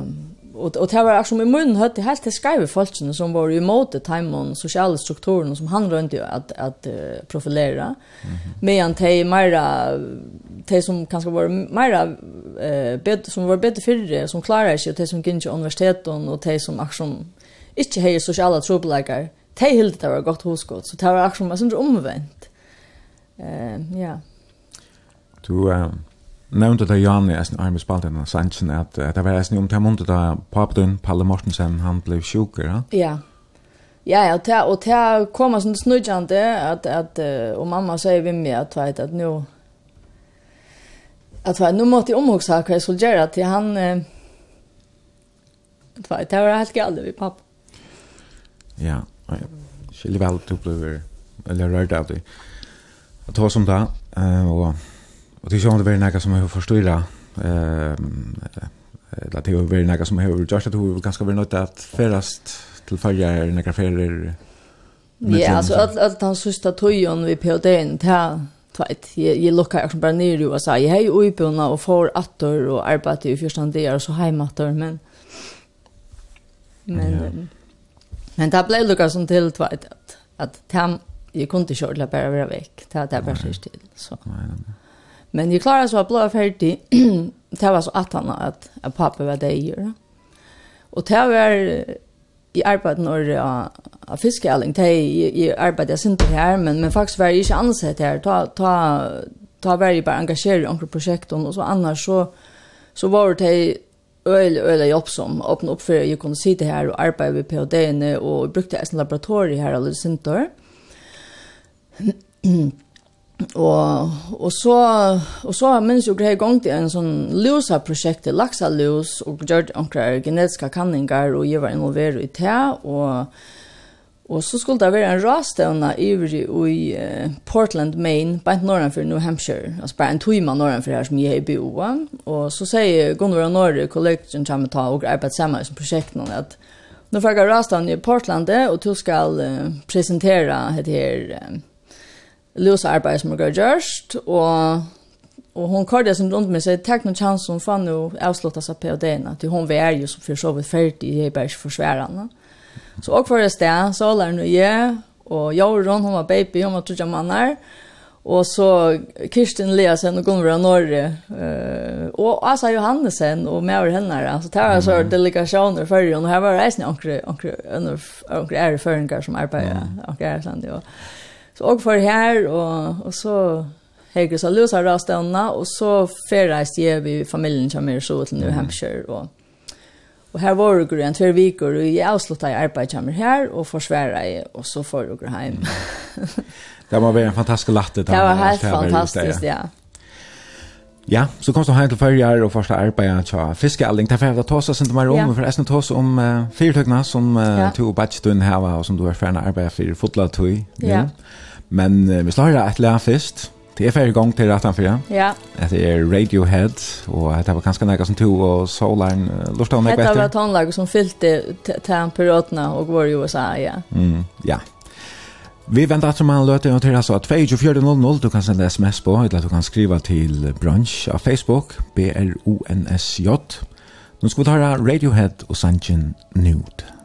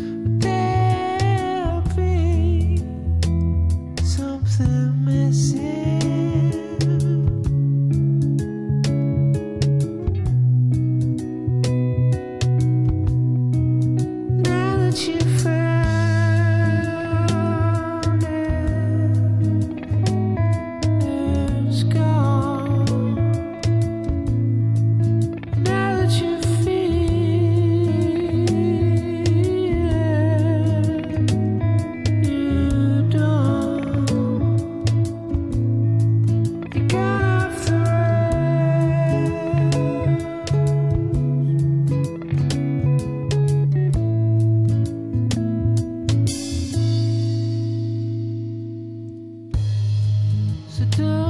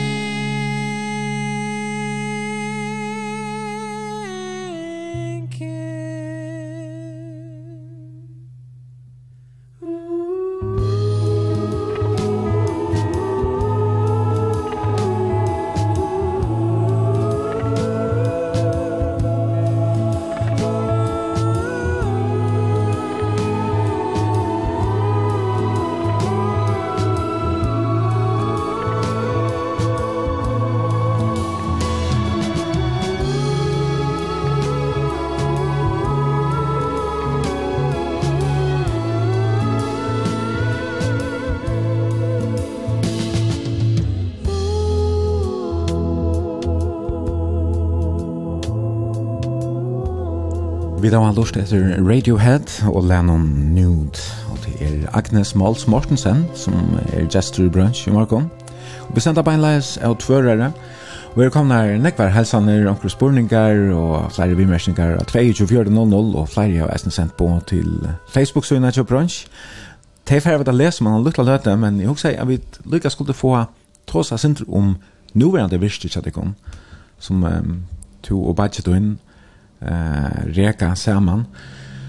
Men Arjen, kan så lukka greia kjøtt fra arbeidet som du har haft i fiskealling som du nå tidsi farlever fra. Men det var helt, det ble jo til arbeidsplass at du så kom etter han, var liv ja. i PhD-na. Ja, det gjør det, halva tog, og tog at, at uh, jeg, jeg har kort uh, tæra fela i aksjon vi søgner alt tøyna. Mm Men uh, men det var alltså uh, granskara starv av fiskealling här som vi kanske primärt har arbetat vi vi terra projekt om men eisne vill involvera i i i öron sammanhang. Det är så färne farla vi fram nu. Tui att det simpelthen bara inte tui till att ha två arbeid langer. och och och fela i chamorstan og mer ta, Det begynte å sette større krøv, og begynte at, at, at, at att att få lukka som för några her här och hej bruk för det att få bit plats isen och har haft klädja röj i choken här som grower sett att här lunner och i Nesvik inne i Alenden och fiske alling och har haft en annan en lay out här och och och det här var simpelthen inte plass mer alltså och och og og för jag kommer vi vi firmannen så så skulle jag gå um, tajt om man har bättre plats och möjlighet som dockar så upp och i famjon Og famjon blei stegi av öllum støvun tog her er ein gommos molstø som okur hei møleika at kjeipa. Og eisne til at okur blei involvera i ui at uh, gå framleia nekka som okur kallar for Aquanest. Det er et uh, kjol som, kan man kan si, et, et, et livande kjol. Det er et, et kjol som gjørst uh, bostur ur tæra som vekser. Og vi har brukt ui lakseælingene til uh, eh att gå mach och illa hålla till och ja. Det skapar ett ett lente till röntgelsne så så är att att det tror jag bättre i alla ringen. Och röntgelsne det fungerar ju som losa att där ute i laxa alla ringen. Jag har sett en av affär jag håller det var kaj nu server. Här hänger så en länka lojne vi sån svörston det luktes här men det var nog plastik. Ja, ja, det är det plastikskjolne som som här vi brukte nog var och och äsna blå brukstad veck och det var det som förde till det här husgård och kursbär brukar naturligt bara. Tog ju så plastikkjålene, de er blå og skit skiten, det skal vaskast, og det er strev i arbeid til alle Og, og man kan förstå seg at, at uh, en skiten plastikkjålflata heldur ikke er så öliga gå for et, uh, en, en fisk som, som hever trobleikar vi at uh, att han får några infektioner och dör av av infektionssjukdom och så så så levande tärre tär blev några som också för arbeta vi och prova att få att rycka och Og det har også gjort i noen år, og det er blivet til det produktet som vi kallar for Aquanest. Og for å klare tar ordaner, eh, har vi også kjøpt en bygning i Famion, her ja. som også har mulighet at framleie til som også framleie, og eisne at, at vi tog inn i å samle virke med tjokken, vi medver framleislene og prosessering, alt det der.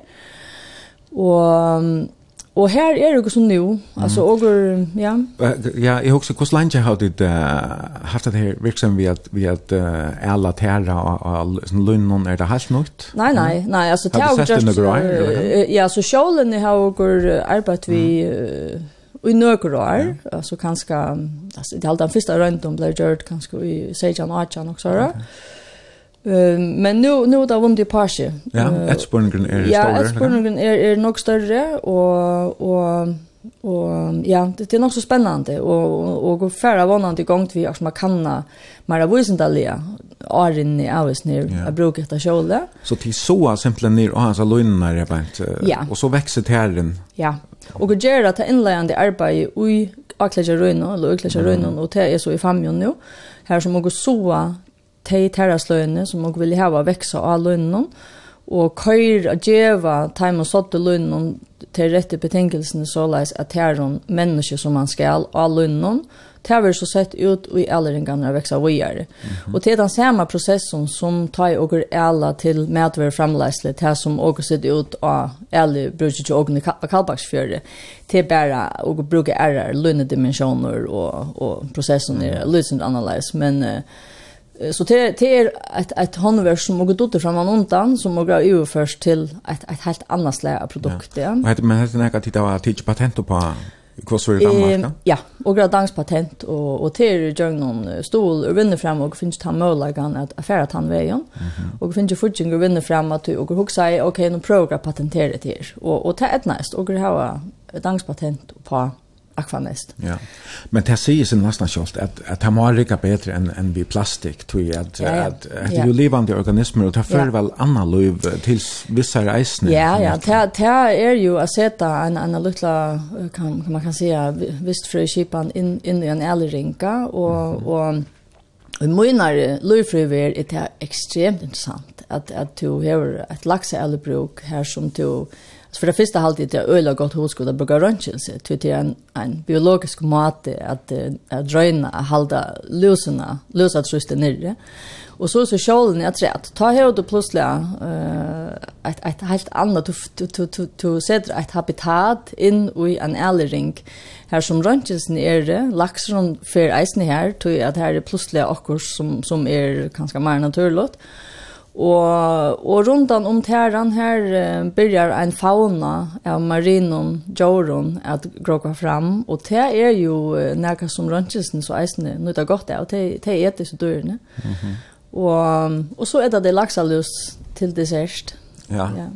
Men her er det jo øyla strenge regler der det snur om alle ringer, så, så syklusen til en sånn kjålig, han er vel bare i det ene ringen nå, og han er ja, ja, ja. tog. Ja, det har vi jo sett ut, altså grunn, en, en annen grunn til at og enda i famjon er tog, at og ville gjerne veita kjål til atler fyrer i fyrjon, og det som man må passa godt på at det er ikke å føre laksasmitte rundt i middelfyrene. Ja? Mm -hmm. Og, og Famion er et sted som ligger av uh, Vestersøyene, det ligger fjerst fra aktiva lakseæling, og det er oppe i hav, og pumpa sjokvinn uh, fra, fra och Og, og ta han for i djøgnen, og, og reinseskipan, alt det, så er det Go goske, go ha goske sjokvor og og sjokvor utan näka som man pjösta vara banken för att köra ut alla för i förjon.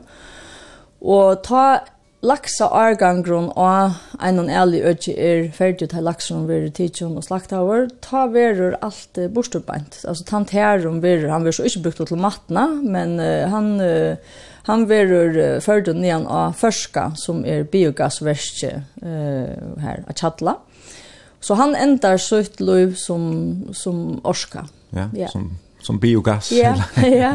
så det är ganska en en det är också goda cykluser alltså. Det är en ordla goda cyklus och det är det är borar dig eh Erling och och och Taron upptäcker ju CO2 tar han ständer ut i, i Erling någon och växer.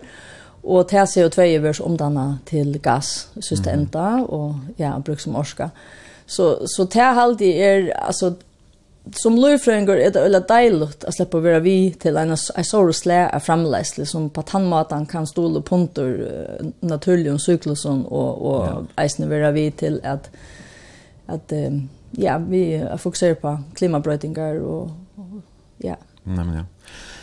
Tropleggen vid Laxalus, han är nog större än så att uh, Rockchelsene alena är klara att, att bäsa lyssnum, men det är så en av, av flera yeah. yeah. alltså, ja, maten man, man kan uh, arbeta mot, det är så en äckliga borardiker och, yeah. och ja. omkvarvsvinnelig mat. Det er det, ja. Og jeg halte at det er mat som man, man eier å gjøre nok for å få rikka optimalt, og, og det skal gransking til. Altså, det, man skal, man må nøye seg granske og hvordan femmans ranskjelsen er trøyvast ordentlig godt, mm -hmm. og at omganget til bliva uh, sjuk og, og ikke mengene løyv i alle ringene, mm. og, og, og det som også gjør det, er en, det er en parstret. Ja. ja. Det er også vi at, at det eisen skulle et også annet, de skulle ikke bare leve av laksalus. Nei, jeg har til, til livet slett ikke bare laksalus. Det som jeg forstår, er det slett ikke gode koster, men, men til damer er det det. Så hvis de kan skal leve av ærere føje, mm -hmm. til dømes en gå om fore, men, men, men eisen til at eta den naturlige faunaene som oppstender rundt om, om sier, øh, skjålene. Ja. Så så är det en ordentlig god mat att att man får och och tar man så också om det så hör man ett ett äldrebruk här som till här som du brukar biologiska metoder att att uh, främja en ena borardika och somna ärling. Mm. Eh uh, ja. Yeah. Hur så stor pastor är är är så anna virksomhet så att det kunde alltså i huset som til till dömen sig här tæra chipsene som vi da et i morgen, og ja na og urrotter ja ja na och och just släcka sorgsla urrotten och göra og, og torska och göra samstar vi hade vi i Lorvik öll arne och här verur tära torskavor stabiliserar Og, og faktisk vera til leo produktene som også selger seg påsaner vi Ocean Wings og så videre, det har vært alt framlagt faktisk av Høttavis nå. Mm -hmm. uh, men um, og og og fer nokk að koma vi og gera ein hesta som som sum rossa folk i ferjum dama ja. og og gera sånne forskjellige ting. Men här som några ordla vilja placera och om vi tär till matna, det är kanske mer i ingredienssegmenten. Här och vana att att och kunna få mer stabila kontar och och och att att att här blir en större pastor av och gravishem till er till är en pastor av vishem någon men till öda tropult en att leva ut i. Ja.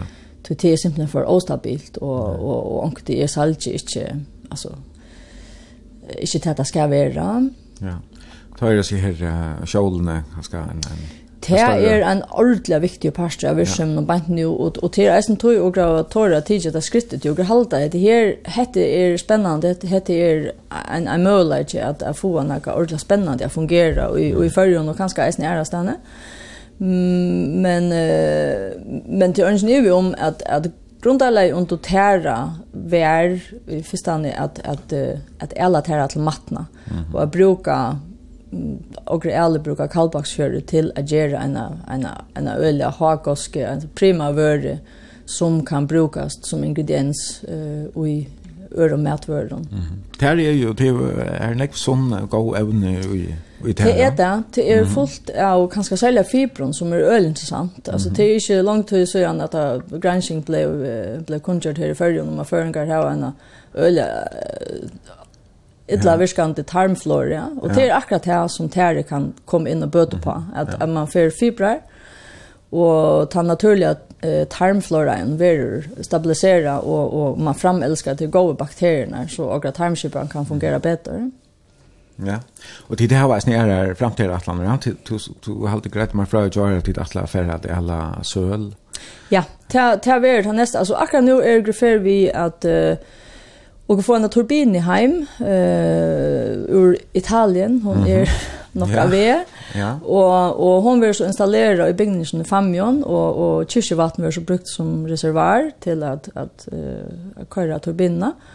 Og til å si alt virksomhet i tjogon blir kost og av verand i Orskekjelde, og, og, og heva jo en stor kapasitet nu vi køren til at og heva oppskalera nok nok. Og ta i framleisland av kjålen og bruntæra som vekser ut av Kalbaksfjører ikke køyrer, og ta køyrer typisk om heste, om vedran.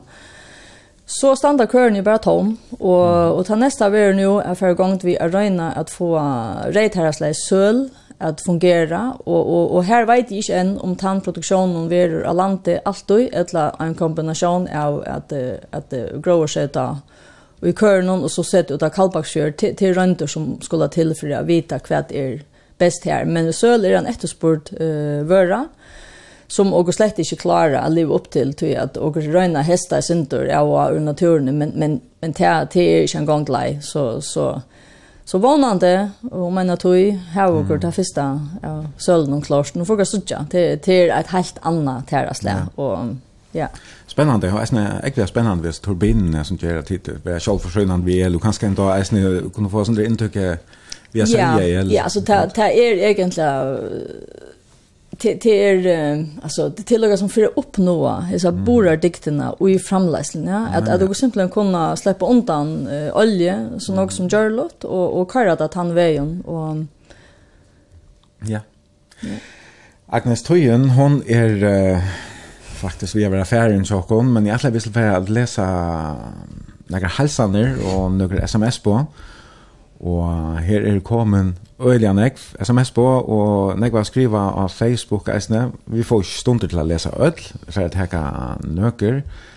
Vi byrja av Facebook. Her, um, her er kommet flere helsaner, og en skriver her... Um, Hei Laura, Har vi akkurat veri av YouTube og hukt etter Terra-sendingene, og nå sier de i Salling når han fyrir skrive og lurt etter brunch, så hun aldri hører det alt det beste. Ja. Laura, Ja. Så det er är ett källan Det er et navn som folk er sure kjenner meg under eisene, Ja. Vi alltså du er jo ikke Laura. Nei, slett ikke, Men det ble jo kallat en av tog og det er en lang lång serva. Eller lille hus på prärien eller. Nej, slett ikke, nei, nei, nei. Det det var bare och som och inte si ta og det er ikke så vi. Ok, ok. Ja, ja, men uh, hun nevner seg her Terra-sendingene, ja, som jeg eisne ja. hukte etter av YouTube. Jeg vil henne i AHV-verd, og hun ligger av at hun er profil i eisne, og jeg har alltid fyrir ja, å legge henne Och då Facebook syns så brunch är snäll ta i sendingen som ut så man kan söka här. Ja. Men jag tror det var en Ja, det är där Spiegel, en tysk kanal eller ja, som som för år så jag kontaktade mig spurt om om det kunde om jag kunde låta en dokumentärsändning om om alkohol. Och det ja ja, det var ordentligt stort Så nu hon kom hon hon har varit vist i Europa, John och Larry är egentligen och nu ligger hon så på Youtube så Så nu ber till att så jag har inte se henne och Aron själv helter till till att jag har inte haft ergång till till stationerna. Mm. Så Her er det en uh, vinkone her som skriver Gå Agnes, og er så omedelig glad for at du og Tøyni har valgt å komme hjem. Og jeg har kjent annan så han og vår luttelig jenter, og nå er det og nabekvar. Fantastisk, alltid stått til å ha vært lurt etter tunne Søvun til å oppleve sindre av kvarjon. Minnest vel, da du ber meg være assistent, men du tog dukka jeg. Og var ena för kväll på men du duckar jag så att jag och läser och hör.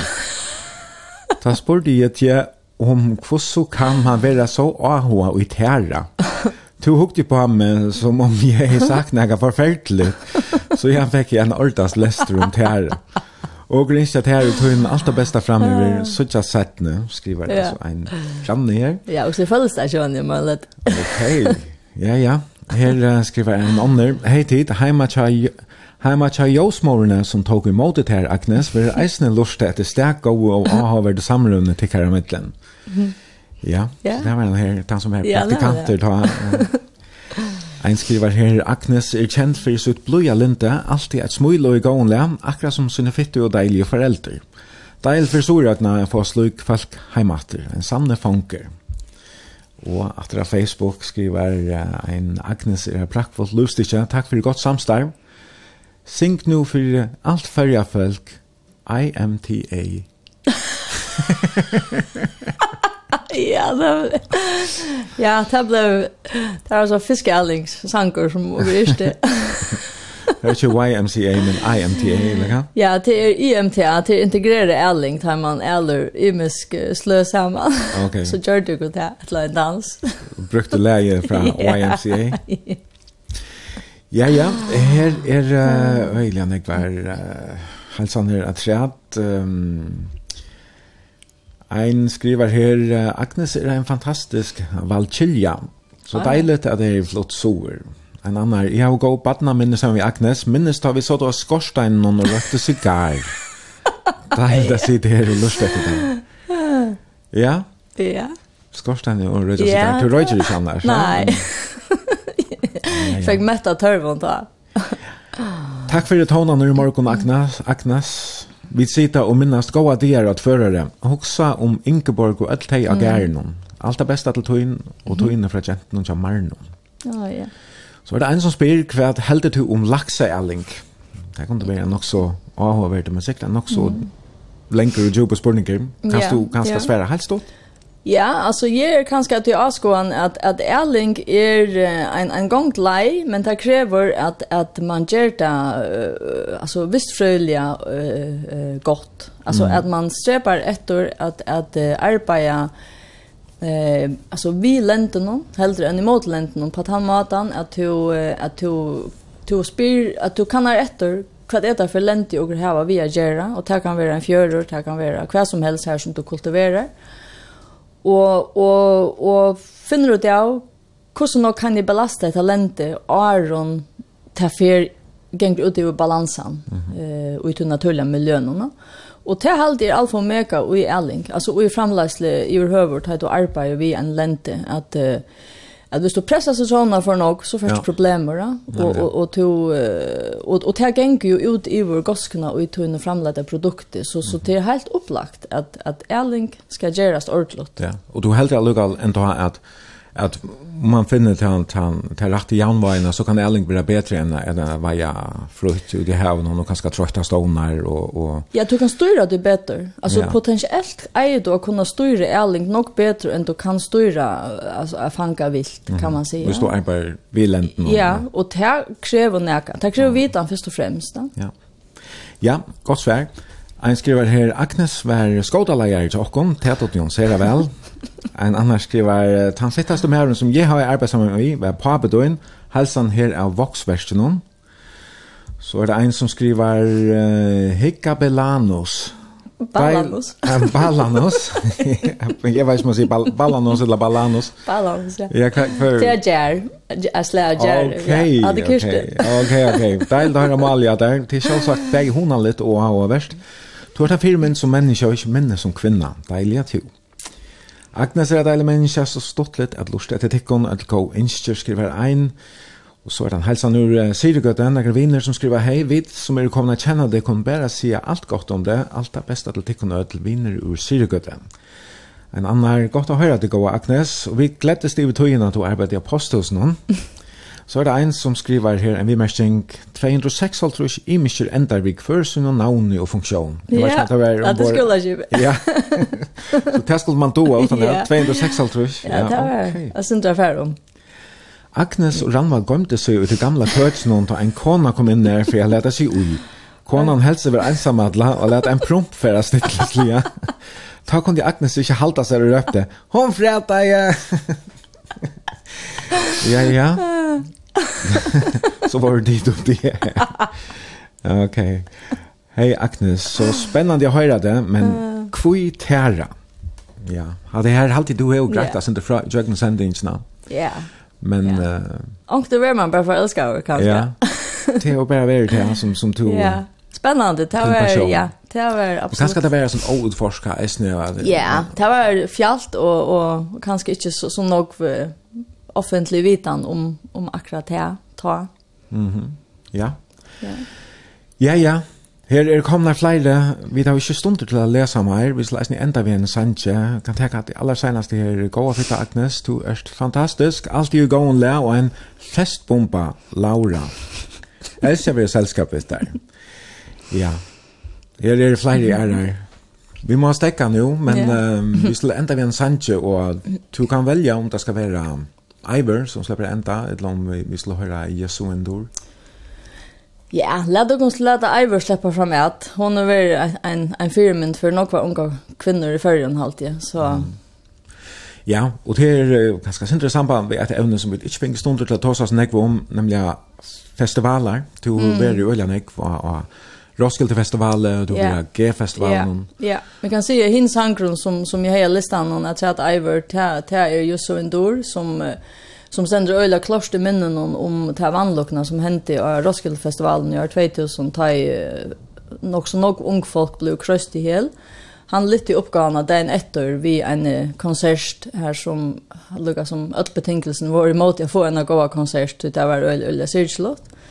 Men han var nok han rätte till akra attacka så där oppgavene, och og det var en øyla, øyla rörande konsert. Ja. Du var selv støtt her? Men... Var støtt her, jeg var til arbete i en øltelt ved såna orange scene, ta ta hända mm. vanluckan hendte, och allt var öle dramatiskt och ikke visste ordentlig hva vad var hänt. Men uh, den ett år var klar i vår att att det handlar om noe liv som var här til, til till og... och Ja. Det var en ganske ta hent en brøyting innan ja. för ja innan ja hur man skipa skipa konserter och ja och och det var öla tragiskt och alltså folk blev som en klämt i hel och ja. så så så nu är det konserter mer skipa man har sån här vad kallar man det allt det ja. ja och man så har man en pit framför det här släppa så snägg in och så var det man delar upp i öcher ja ja Ja, man er hekne i middelen, så man spæra kan genka atlastan. Ja, ja. Så så det var nog tilltrångt till bara eh ja, yeah, ja. Men eh så så just som en dår han över var en en en en viktig konstnär um, på några matar och jag har lustat nog efter efter hur onkrar flöv till honom och Men eh jag hållde att Iver eh är absolut ett ja. plus uppe på det. Men nu tror jag att hon har slåa förre eh att det först ska hon lägger paddeln och och till öliga gott att ha starka kvinnliga firmentor. Mm Mm ehm så, och hon har reisen framlagt extremt nog. ja, hon är nog jag vet inte om hon är färnast där eller hur vi er vi är där vi fotlon fotlom och og turné. Så. Ja, det är veldig spännande. Och och han sangen som jag har valt eh från henne, uh, bidrar till en från från Tøyfløvene, ja, eh ta hon ta alltså ner till Havere till till det här om att hon har 2000 Jo och så då här här här ge lusta i först för ett Iver och det var om ta töna ta i clickhäs spelade i snä och och jag hållde att att här hon prövar hon tar och liksom ta för ska leva och kinkomentan och allt här och och och letar då ett ett en en Jan hem. Jag hade det var en eller spännande för en go flow. Jag hade hon är bara Ivar Polstötter. Ja, nej, ja, nämligen ja.